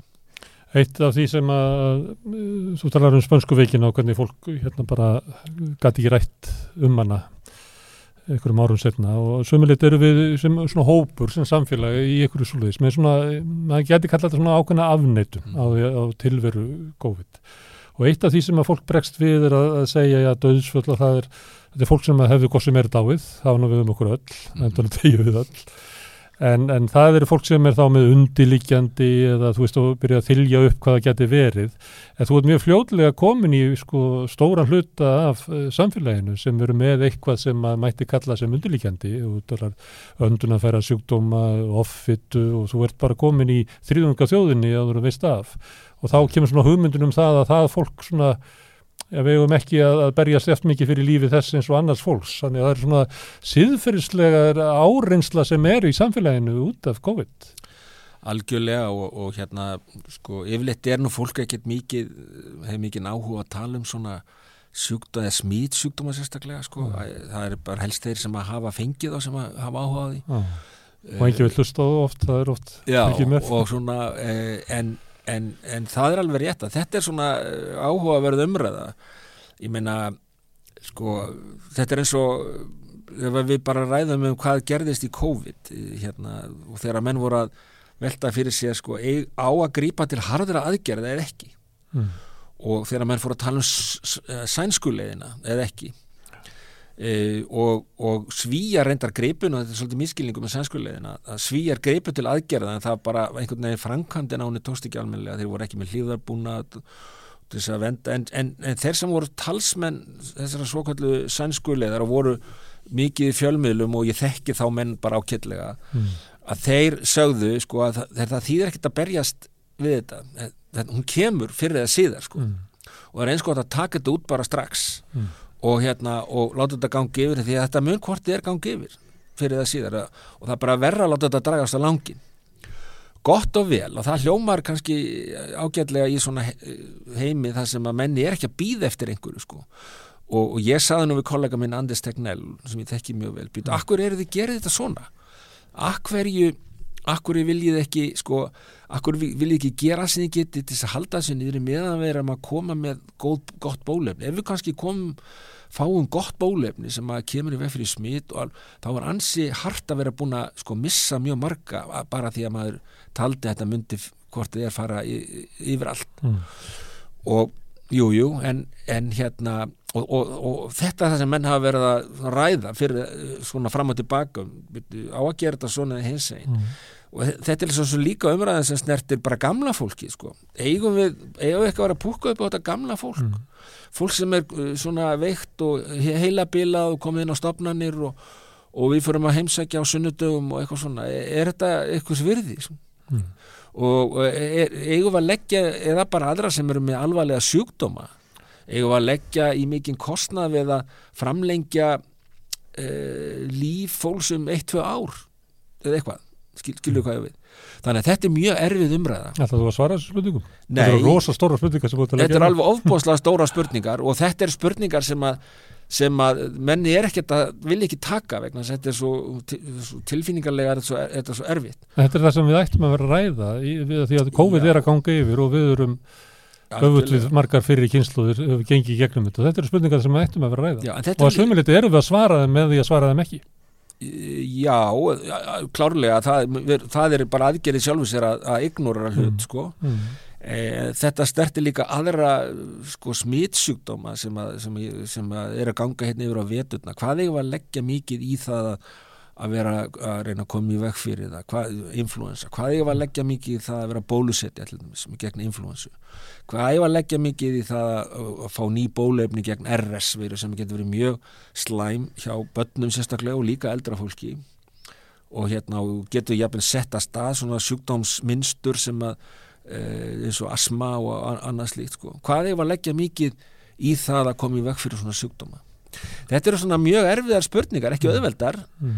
eh, en ég er ansið hættur um það að, að, umræðan hefði orðið ansið reyndhörði ef við hefðum svona gert eins og, svíjar að láti hlutina ganga bara hérna yfir og, og við lendi í, í hérna í erfiðum aðstæðum þannig að mm. á hjókurunheimilum og öldrunheimilum já, hjókurunheimilum og öldrunheimilum mm. því að við getum, menn segja bara, menn sögðu heyrðu, ok, akkur reynum við ekki bara að venda og loka inn í þetta fólk, venda þetta fólk komið vekk fyrir smitt hjá því en við hinn fáum bara að vera í friði og bara sætum ekki einu takmarkun þetta, svona var umræðan hér En er sko. það taknilega mögulegt? Nei, ég held að það sé ekki taknilega mögulegt. Það síndi sig bara að menn er inn á þessum stopnunum að gera sitt besta að reyna að halda hlutunum í, og, og hérna komið vekk fyrir að smitt komist inn. En þegar að útbreyslan verði mikil í samfélaginu þá er það ekki bara það að hún kemst inn fyrir það síðan, heldur það starfsfólkin sko smittast á, á spítölunum og dettur út þá fyrir það að koma nýra umönnun annara sjúkdóma.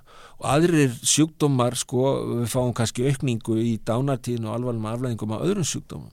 Þannig að þetta hefur svona keðjuverkandi áhrif og við sáum það líka þegar omikronbylgja var, var hæst núna í byrjun síðasta árs þegar bara starfsmenn spít, landsspítalans döttu út, það var að neyðar ástand á spítalan, mm. ekki endilega bara út á COVID heldur, hvað voru margir starfsmenn sem smitust og síktust og gæti ekki komið til vinnu. Mm. Þá voru við að tala um það að leifa fólki bara með COVID að koma til vinnu, jafnvel, og það menn voru svo sem ekki ánæði með það þannig að, þannig að þú þannig að það að koma í veg fyrir svona faraldur, svona smitsjúkdón sem getur dreift sér um samfélagið og þó að það sé dánartalan við, við núna er kannski 0,1% sem við tölvert herri heldur en við bara árlega influensu mm.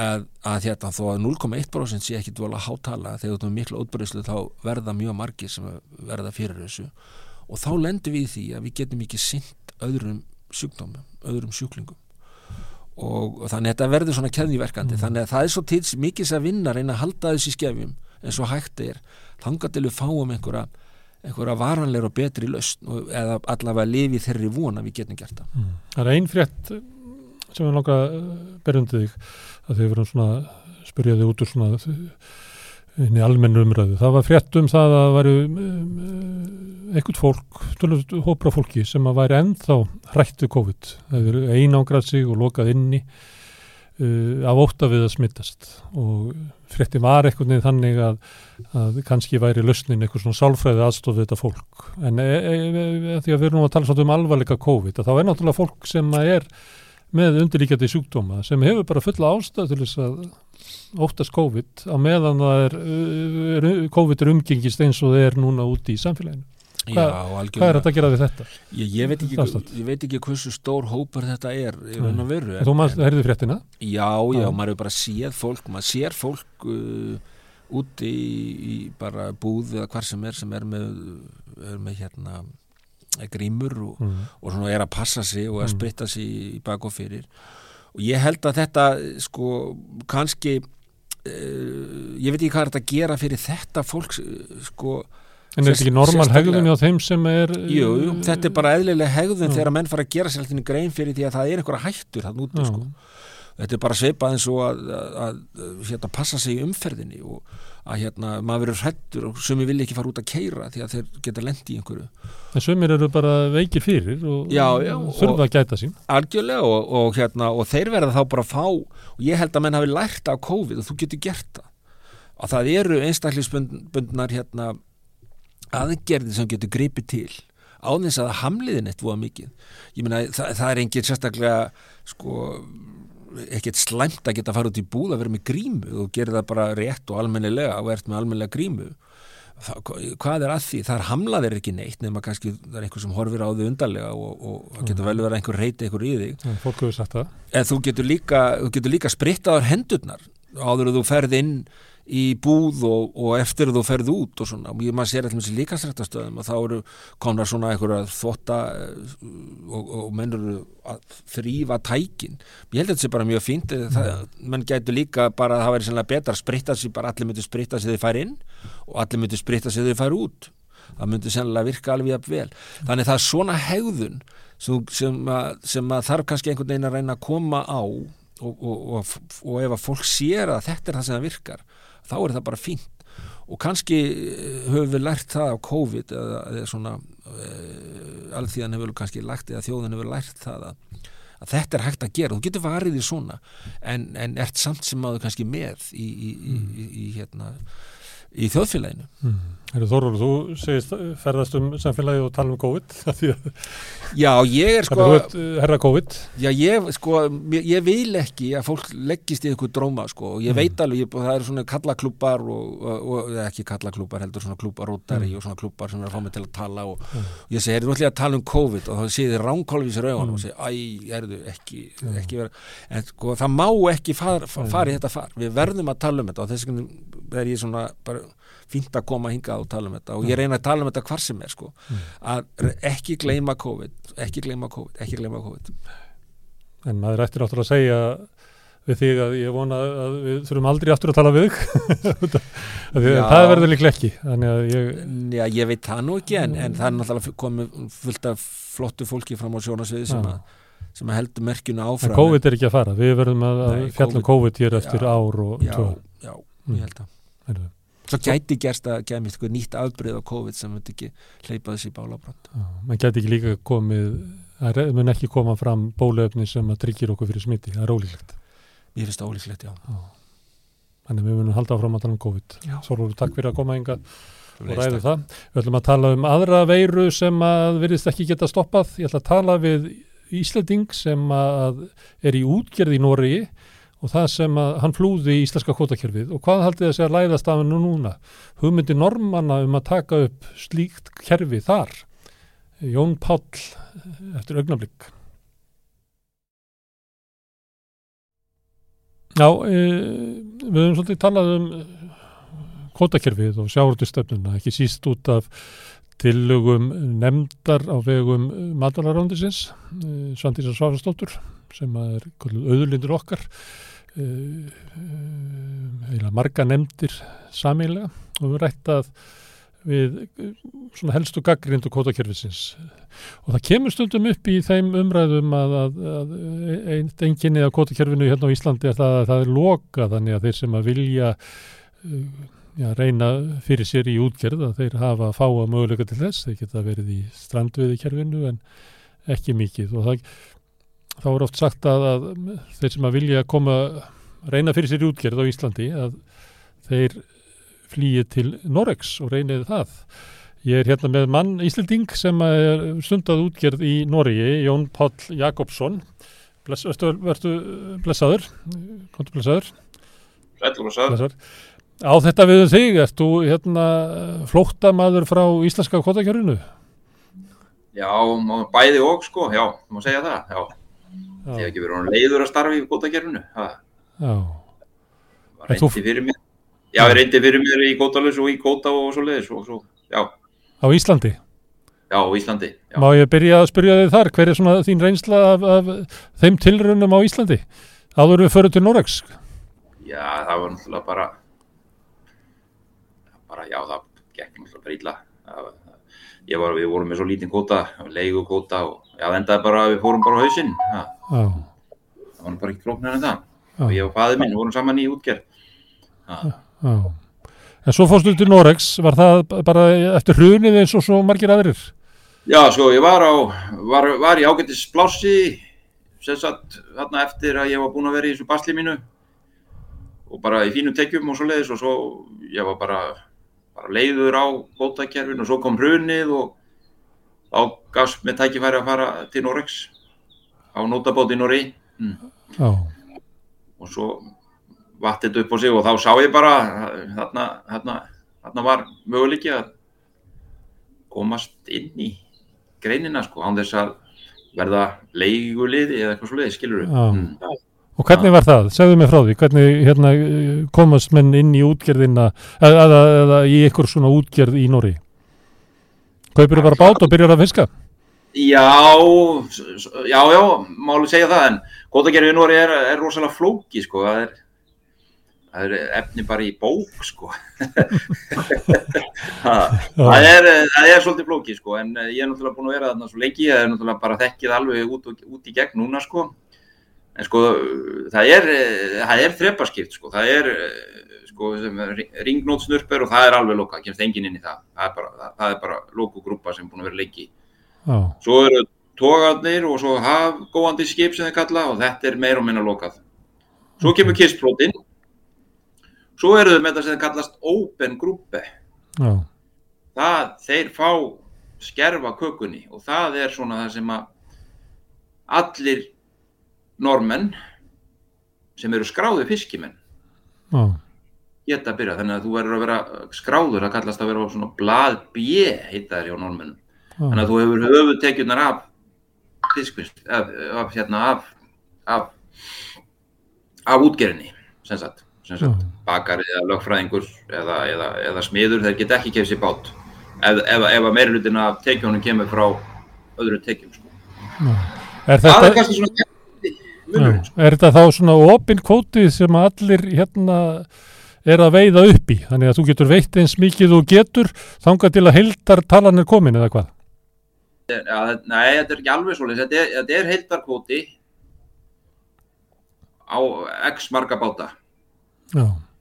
Svo er gefin út kóti sko á bátinn sem, sem kallast á garantert þetta hefuru á ári sko. Þú getur sagt að það sé svona og svo er alltaf svona svigurum fyrir ofan sem kallast maximum tillegg sko. og það sveiplast á milli ára hmm. Okay. svolítið okay. en, en já, þetta er, sagt, en, þetta, en í Nóri eru bara, eru bara þrjár tegundir í kvota, sko.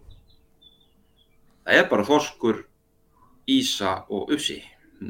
Þannig að annað máttu veiða eins og vilt, Já. steinbítur eða hvað sem að Já. vera, kóli Já. og, Hóli og allt saman og, og, og reyndar eru svo rúmar heimildir í Ísu og Ufsa þar hef aldrei nást þannig að það hefur alltaf verið bara frjálst sko undanferðin ári All, öll ári sem ég hef verið þannig þá hefur Ísa og Ufsi verið frjálsi í þessu opnakerfi Já, já. Þannig að þú mátt eiginlega veiða eins mikið og vilt nema að það eru þak á þorskinum. Já, má eiginlega segja það, það er það gott óskil en, en það hefur seiflast alveg sko fyrst ári sem ég var í opnakerfinu sko þá, þá var það nánast frítt þorskfiskir í sko í opnakerfinu sko. Það var það sko en svo hefur komið ár líka sem ég er búin að vera sem að hefur verið bara 25 tonna báti eða eitthvað sko skilur mm. Mm. En er þetta s- s- sæmileg útgerð? Hefur hérna gott upp úr þessu?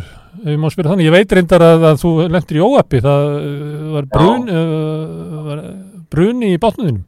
já já, ábyrðin ónýtur Já. Ég er komin upp úr þessari opnu grúpu, ég var þar fyrstu árin. Ég byrjaði þar 2014, kaupið mér svo fyrsta bát í, eh, fyrir ofan það 2016. Sem sagt, eh, 2016-2017.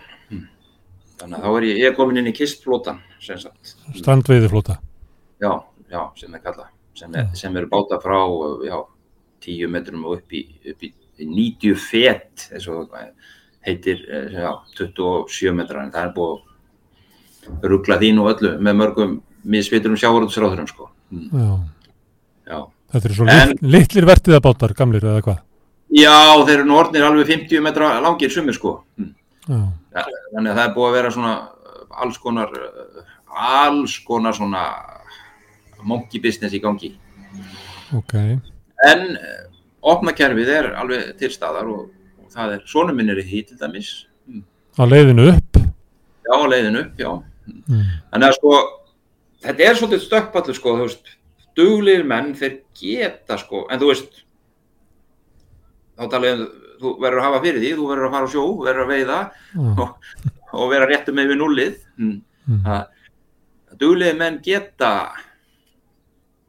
komið sér áfram hana, en þá, en það eru blikur á loftið hana. Mm. En, en leið, það er ekki leið út úr opnakerfinu þannig að þegar þú ert búin að vera þar í vissa tíma þá ferð að fara ofar, þú bara hérna, aflaðir peninga til þess að kaupa þig bát sem að var með uh, Heimild. í, í strand Já.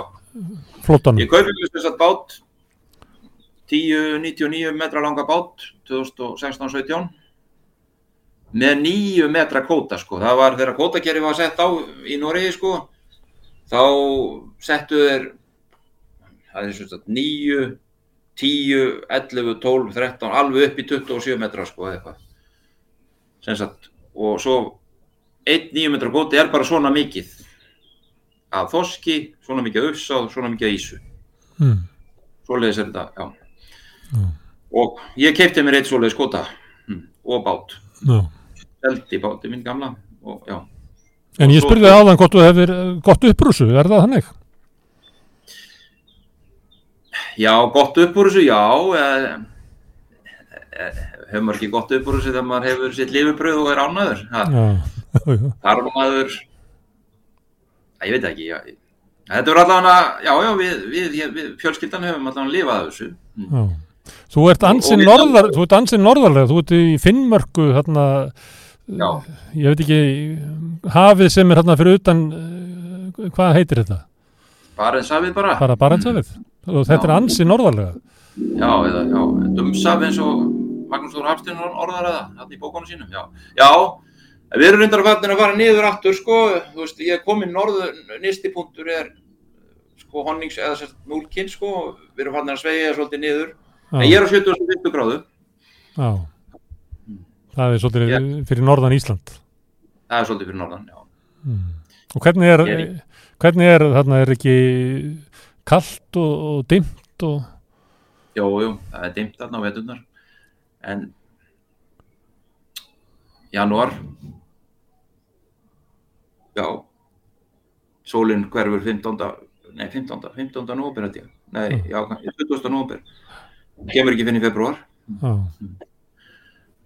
en hann kallaði blái tíminn sko og er eiginlega ekkit og er ekkit engi byrta sko Já. en eh, já já, já, þetta er þetta er þetta er erfitt já, já, Erfitt. þetta er Já. já, þetta er svo sem ekkit þetta er ekkit rosalega frábrið, ég er alveg á bíldudal sko, þetta er Já. þar voru nú oft leiðindar vetrar og norðanátt og, og kalt og, og landlegur og svo leið sko en, en svo sumrin eru alveg frábærana Já. bjart allan sólaningin og sól bara og það það er bara ef maður fær einn góðan dag og sjónum þá, þá, þá gleymum maður öllum þessum tíu leðilu hmm. Þetta er svo norðarlega að golfströymurinn er hættur að hefur ekki árið þarna. Þetta er, þetta er ekki svo lófóten eða eitthvað sem að er eiginlega miklu betra veður heldur en maður myndi ætla með að við breytagráðu þetta er, Já, þetta er, við erum ekki eins, við fáum ekki eins mikið af gólströmminum, nei, hann, hann er ekki, eh, sem sagt, eh, veðurfarið við lófótun og þar, það, þar, þar bjó ég fyrst, sko, það, það er betra, sko, það er það. já, En uh, við fáum oft mjög hlýtt loft, sko, frá Rústlandi og þar á sagt, þegar þá er það búið að fara yfir sletturnar og þannig við fáum, sko, hm, fáum það sko. En, en, en, en hittast í á sjávar það er nú bara svipað á Íslandi sko. Já. ég held það sko En þið kunni vel við ykkur allavega er sonur þinn hérna ætlar að feta sumu leið. Já já, hann, hann, hann keipti sér sér bát fyrir þremur árum. Já. 17 ára gammal mm. Herðu, en uh, sjáurðu stefnan í Nóri uh, einhvern tíman var verið að tala um það að þeir myndu taka upp svipa kerfi og við. Er, er, er, er sjáurðu stefnan þeirra að breytast? já, hún er að breytast. Hún er mikið að breytast. Og þeir eru á hraðri leið sko. Í áttina okkur sko. Elli júleiðina Já, má segja það sko. Er myndin hérna Groundhog's Day hérna með hérna. Ég finnst ég vera að upplifa þetta aftur sko. Ég upplifa þetta Já, sem tvítugur sko. Pappi var í útgjör og bíldudal og öllu þessu Já. sko. Þannig ég er að upplifa þetta aftur skilur. Þetta er svolítið sérstætt sko. Hmm. Það er þetta sena í Guðföðnum held ég að Guðföðurinn þrjú þar sem að Al Pacino segir sko ég held ég að vera í sloppin og þá dragaði mig aftur inn þannig að það er Já. kótakerfið þeirra eftir þér Já, einmitt, það má segja það sko Og það Já, er svo gaman að það eru sömu rökin sko Meiri arðsemi Færri bátar Meiri arðsemi já. Já. og þú Og- veist betur þú veist betur Já, þetta eins og ég náttúrulega predika mitt sko, þú veist um, já, til hvers sko? Það spurningi líka uh, Gunnar, fyrir hvernig á arðsemin að vera? Já, á hún að vera fyrir eflaust er náttúrulega hægt að hafa arðsemina mikið meiri að gera úr tíu báta. En á það að vera bara arðsemi þá fyrir tíu? Eða er betra að dreifa arðsemin þannig að kannski 50.000 manns kannski? Eða, eða ég veit ekki 3.000 manns hafi hafi möguleika til þess að lifa. Þetta er spurning En nú hefur normenninni verið svolítið sterkir í svona byggðastefnu, þeir eru með ímiskonar, en, en varðandi það að hvaða áhrif svona íslensk kótakerfi hefði á, á byggðirnar eins og til dæmis bara bæinn sem að þú ert í, það geti Já, bara myndi- lokað honum. það myndi hafa skelvilegar aflenga fyrir bátsfjörð til dæmis. Hmm. Já, það myndi gera það sko. Og, og vartu alla þessa staði sko myndi gera það sko þetta myndi lokast sko bara reynlega sko. Mm, en á móti kemur reyndar að að það verðar sem sagt það er langt að frakta fiskinum sko þannig að skipin verða að koma þarna og landa sko ef þeir eru á feskfiski sko. Þannig að það er aðeins öðruvísin á Íslandi sko þannig að en sama þetta myndi örgulega hafa breyndingar sko en, en sko ég held að normin séu nú aðeins meiri svona demokrater sko heldur en, heldur en Íslend, Íslendingar sko.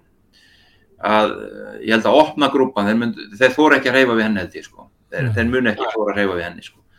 Og, og þegar Helga Pettersen var ráð, ráð þeirra sko þá þá hafði hún það í gegn sko að að, að samanni fengi kvóta. Mm, þannig að þeir eru bú- búin að fá hluta af kökunni. Og það núna heitist það, heitir það svona kistfisk tillegg og það er fá allir báta sem er í opnugrúpunni það núna sko sem búa í sveitafélögum sem hafa samiska rætur Já. og það er öll Finnmörk og, og Troms og, og svona sko. Já, það er það sem við kalla, kalla sjósamar, sem að Íslandingar Já, kannski já, sjá já, fyrir sér já, sama já. sem eru með reyndir, en það var þarna meðfram allri ströndinni svolítið líkt í hvernig Íslendingar þreiðu þorran hérna öldum áður, þar sem að menn áttu kannski eina, eina mjölkandi belju og örfáar skjátur ykkurar og voru svo að rjóa sétti fiskar, fisk, fiskjar. Já, Mm. en samanni voru með nokkur reynd, eða með reyndir og svo var ósetti fiskjar. Já, Það var þannig sko.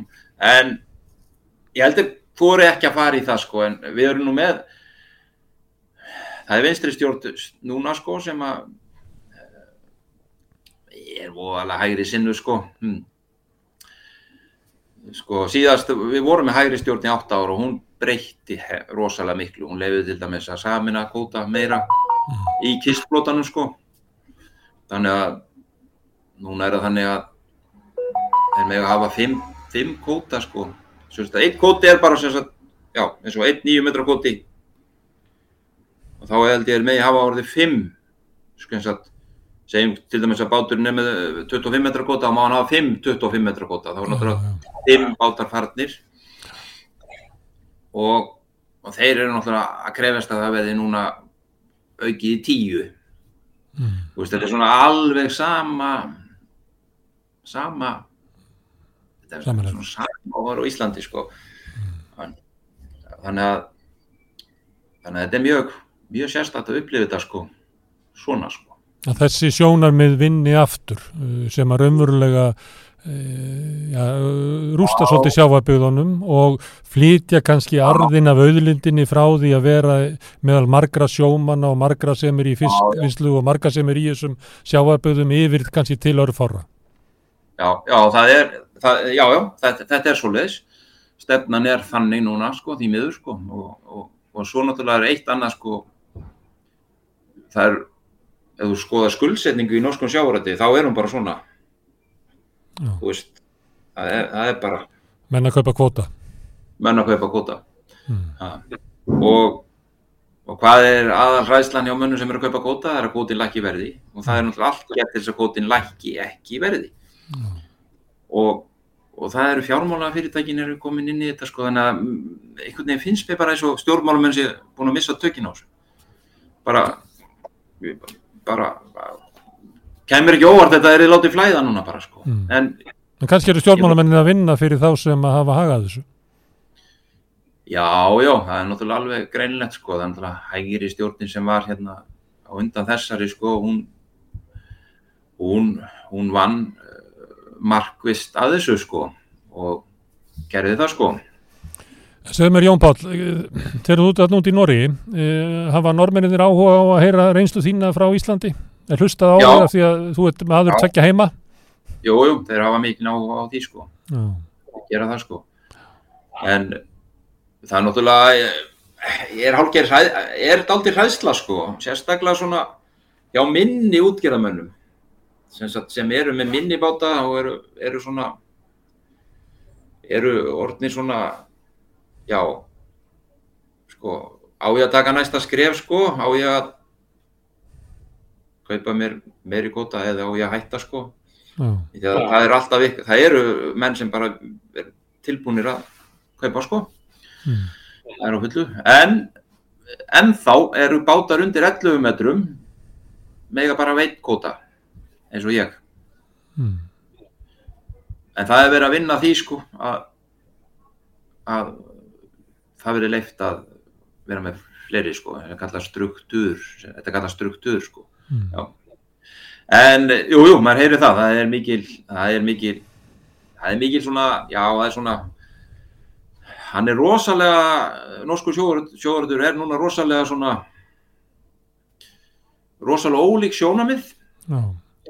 og þetta er búið sérstað sko vegna þess að um, við erum allir í sama stjættafélaginu eða, eða, sem sagt þetta heitir Norges fiskalag sko. Svo deilist það í sko stórútgerðin er með okkur sko. Já.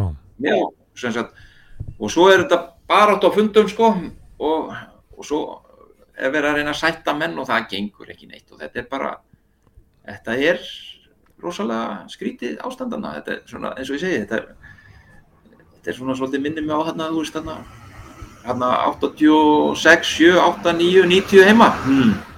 ja, hvaða leið á að fara sko? En svo er náttúrulega eins og ringnótin eða hérna stóru hérna nótaskipi, þau eru læst sko. Það, það er bara læst grúpa sem engi kemst inn í sko.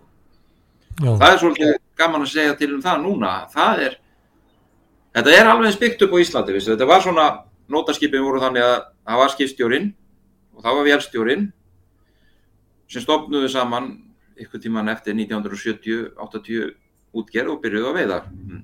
Mm. og kannski einn með þeim en þá bróðir eins eða, eða svo leiðis og voru kannski fjórir og núna er að gera sko að þessar fjölskyldur eru bara, þær eru að splittast algjörlega, það eru, það eru núna margi nótaskipbátar sem eru búin að vera til sölu vegna fjölskyldu þegar þriðja kynsluðan er að koma núna mm. að þá, þá springur þetta, er þetta að springa sko og þá er bara, eru komin aðna ættingar sem hafa engan áhuga á að að halda áfram mm. en vilja fá peningin mm. og þetta er þetta er svona, maður er að skrítið að upplifa þetta sko, það eru þrjár útgeri núna bara á stöttu tíma sem hafa sprungi og, og, og ein er ennþá bara í málaferðlum sko, en það er svo miklu peninga þar að það eru aðilar þar sem að þessi loka grúpa hún einhvern veginn býtst um þessa, þessar, þessar útgerðið svona eins og, já, eins og úlvar sko, þess að skilja en, en er, það ekki, er það ekki líka oft á minnibátunum að það er kannski segjum að útgerðamadurinn er komin á aldur, er kannski 60 eitthvað sluðis og börnin hans, hann á þrjú börn og, og það er eiginlega of lítið fyrir hérna, þau get ekki lifað því, þannig að það verið þá mögulega eða einn myndi vilja taka yfir útgerðina, þá þarf að kaupa hinn í burtu. Er, maður sér þetta ofti til þess kúabændur lendi í þessu að það er eina leiðin er bara að selja kvótan í burtu til þess að geta einhvern veginn enda starfsafina með einhverju sátt við börnin sín sko. Já, það, það, það er mikið um að gera, það er mikið um þetta núna, þetta er að mm. koma mikið inn núna, sérstaklega eftir að kvótin er orðið svo mikið verðmætti. Ég veit það, það er málið. Þú sér að þegar ég kaupið minn fyrsta kvóta 2017, þá kefti ég hann á eina hálfa miljón Óskar. Mm. Nú er að metin á 4,6. Þú veist, þetta er bara 18, 19, 20, 21, 22. Mm sko. þetta, er á, þetta er á 5 ál þá getur ímyndaður í 9 metra kóta sko þá getur ímyndaður hvaða 15 metra kótir voru verðmættur og svo 20 metra mm. þetta er bara þetta er, þetta, þetta er það sem er að gerast líka og svo er annað sem er að gerast líka að hérna að uh, að menn geta bara ekki kift heldur sko. Það er orðið meira þú veist að venjuleg menn kannski fyrir tíu árum gáttu mikið meira mm. vennulega en kefsi en það er bara ekki hægt lengur. Þannig að þetta er eins og er hér heima. Þetta er ókvæðileg þróun sko. Ég held að ég held að ég er búin að vera að segja það þeir eigi ekki eftir að ég segi þeim alltaf sko það er domstafurinn er ekki komið sko en hann, hann nálgast sko. Hmm, þanniglega fyrir, fyrir eh, norska sjávarútvig því að við veitum alveg hvernig þetta verður sko, þetta, þetta verður bara meiri skuldir og vesinn og, og en, en ég hugsa að þeir eru það miklu demokrater að ég held að þeir munu aldrei hrópla við þessu opnu grúpunni sko, ég held ekki, ég held að þú er því ekki sko, þá held ég að það er allt vittlust sko. Má ég spyrja þig, eh, mannstu það hvað það er stór hluti af heldaraflánum sem er í þessari opnu grúpu? Já, það er, það er svolítið, það er nefnilega svolítið maks sko það er nefnilega svolítið, ég man ekki alveg sko ég man ekki alveg hvað það er í tónnum sko en mér minnir að það hefði verið 27.000 tonn sem opnagrúpan hafði í Þorski fyrra. Ég er samt ekki alveg viss en það er nefnilega svolítið maks sko. Þannig að þetta er umtalsvert þetta er ekki eins og strandveðunar í Íslandi.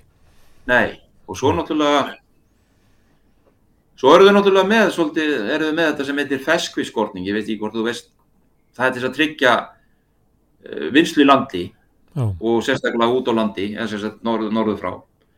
að það er það sem ég hef lifað á sagt það er, þú fær aukið þorskóta sem sagt eins og þetta er svona svip og línu yfirlinu var heima henni kannan þetta heiti feskviskorni þá er það bónus í þorski sko. Mm. þá færðu getur þú verið með svona mikið meðabla í þorski þegar þú ert að veiða aðra tegundir. Mm. það byrjar, byrjar senni í júli jú, mánamótum júni-júli og er út árið sko. En það er bara fyrir báta sem landa fest. Svo Jón Pál, þú ert ekki eini íslendingur sem er aðna úti í útgerðu, það? Nei, nei. nei Þeir eru nokkrir Þeir eru nokkri margi sko Já. sem hafa komið aðna út af sömu ástöðu og þú að það er ekki hægt að byrja í útgerðu í Íslandi Nei, það er náttúrulega er ekki hægt sko það er alveg sem að hvað hver segir sko, það er ekki hægt Já, já, þetta er náttúrulega er ekki, það er alltaf eh, viss það er nefnilega alltaf viss prósenda það ekki sem vill vera sjálfstæður sko. Já, já. Þólir ekki að hafa yfirmenn, það er svona ákveðin manngjör. Eftir þannig, þólir ekki að hafa yfirmenn. Ég veit það ekki, ég, ég, ég þóldi aldrei lengi sko að vera stýrimaður sko. En ég var á í nokkur ár sko. Mm. Það verður að hafa eitthvað tækifæri fyrir þá, þeir verða að geta unnið fyrir sér. Sko. Mm. En þú veist það er rosalega nýlöfun í norskum sjávaráttu, það er rosalega margi sem er að menta sér í, í sjávaráttusfræðum. Mikið meira held inn á Íslandi sko. Ég var ekkert í mann að spyrja um stýrimannskólan heima, það er bara einhver örfáir sem að menta sér þar á orði sko. Mm. Þannig að það er, það er, þannilega er þetta mjög jákvæmt sko, en það eru rosalega, svo er þetta náttúrulega á þessum, svona minni er sko líka á svona stóru bát, svona stóru snurfa bát sko, það er rosalega góð laun þar það er náttúrulega hann var þar lærlingur sko og svo er hann búin að fastplása þar og svo er hann með svo er hann með útgerðina við hliðina byggja sig upp sko. Smátt og spátt ja. en hann ætla sér bara að verða eigin herra sko. Og það er mjög mikið björnsinni þannig sko. Þannig að það er ekki allt svart sko en, en, en þetta er þetta er svolítið ókvælið þróun með hérna með hvernig þeir vilja þjappa þessu færri skip sko, og þessi rauk sko, þessi rauk þau haldir henni ekkert sko, þetta er, þetta er náttúrulega bara, þú veist ha. Eins og ég segi alltaf við á, jújú, sjávarúturinn á Íslandi, hann blómstrar en fyrir hvern? Hm. All arseminn fer, þetta skynst um það að hafa aukna arsemi, það þýr að fyrirtæki sem er ekki með meira arði, með, með meira arsemi sem að þýðir að fyrirtækin hafi getur til þess að borga eigundi svona meiri arð og það er náttúrulega fáir sem eru eigundur af stór útgerðum í Íslandi, það eru bara 5-6 fjölskyldur. Já, mm. þannig að þá, og þá hef ég sagt við vinnum minn í Norge, viljið vilji, vilji þið hafa það þannig sko, eða vil, vil sko, Trillukalli Norge, hann getur bara haft það mjög fínt sko. Mm. og ekkert að því sko. Og eins og við, við höfum það bara allt í lægi sko, við erum eitt, ég er ekki verið að miljardar mæringur á þessu sko, en ég, við höfum láðið að byggja okkur aðeins upp og svona, en, en, en, en þetta er óbæðið þróun því miður, okay. en, en ég veit ekki, veit ekki hvernig þetta þróast, en stjórnin sem er núna, hún er minnilutastjórn og hún, hún kemur engu í gegn sko, þessi, þessi sem eru við stjórn núna, þeir lofu nýju, nýju, nýju frumvarki kótakerfi sko í desember sko fyrir ári síðan sko.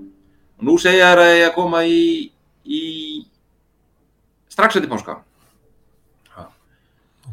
En ég held sko þeir hafa ekkit ólmagn á villisi, það eru þarna flokkar þarna á vinstri vagnum sem, sem þeir þurfa stuðning og þeir þeir vilja ekki fara sömu leið held ég með sagt, meiri samfjöpun sko.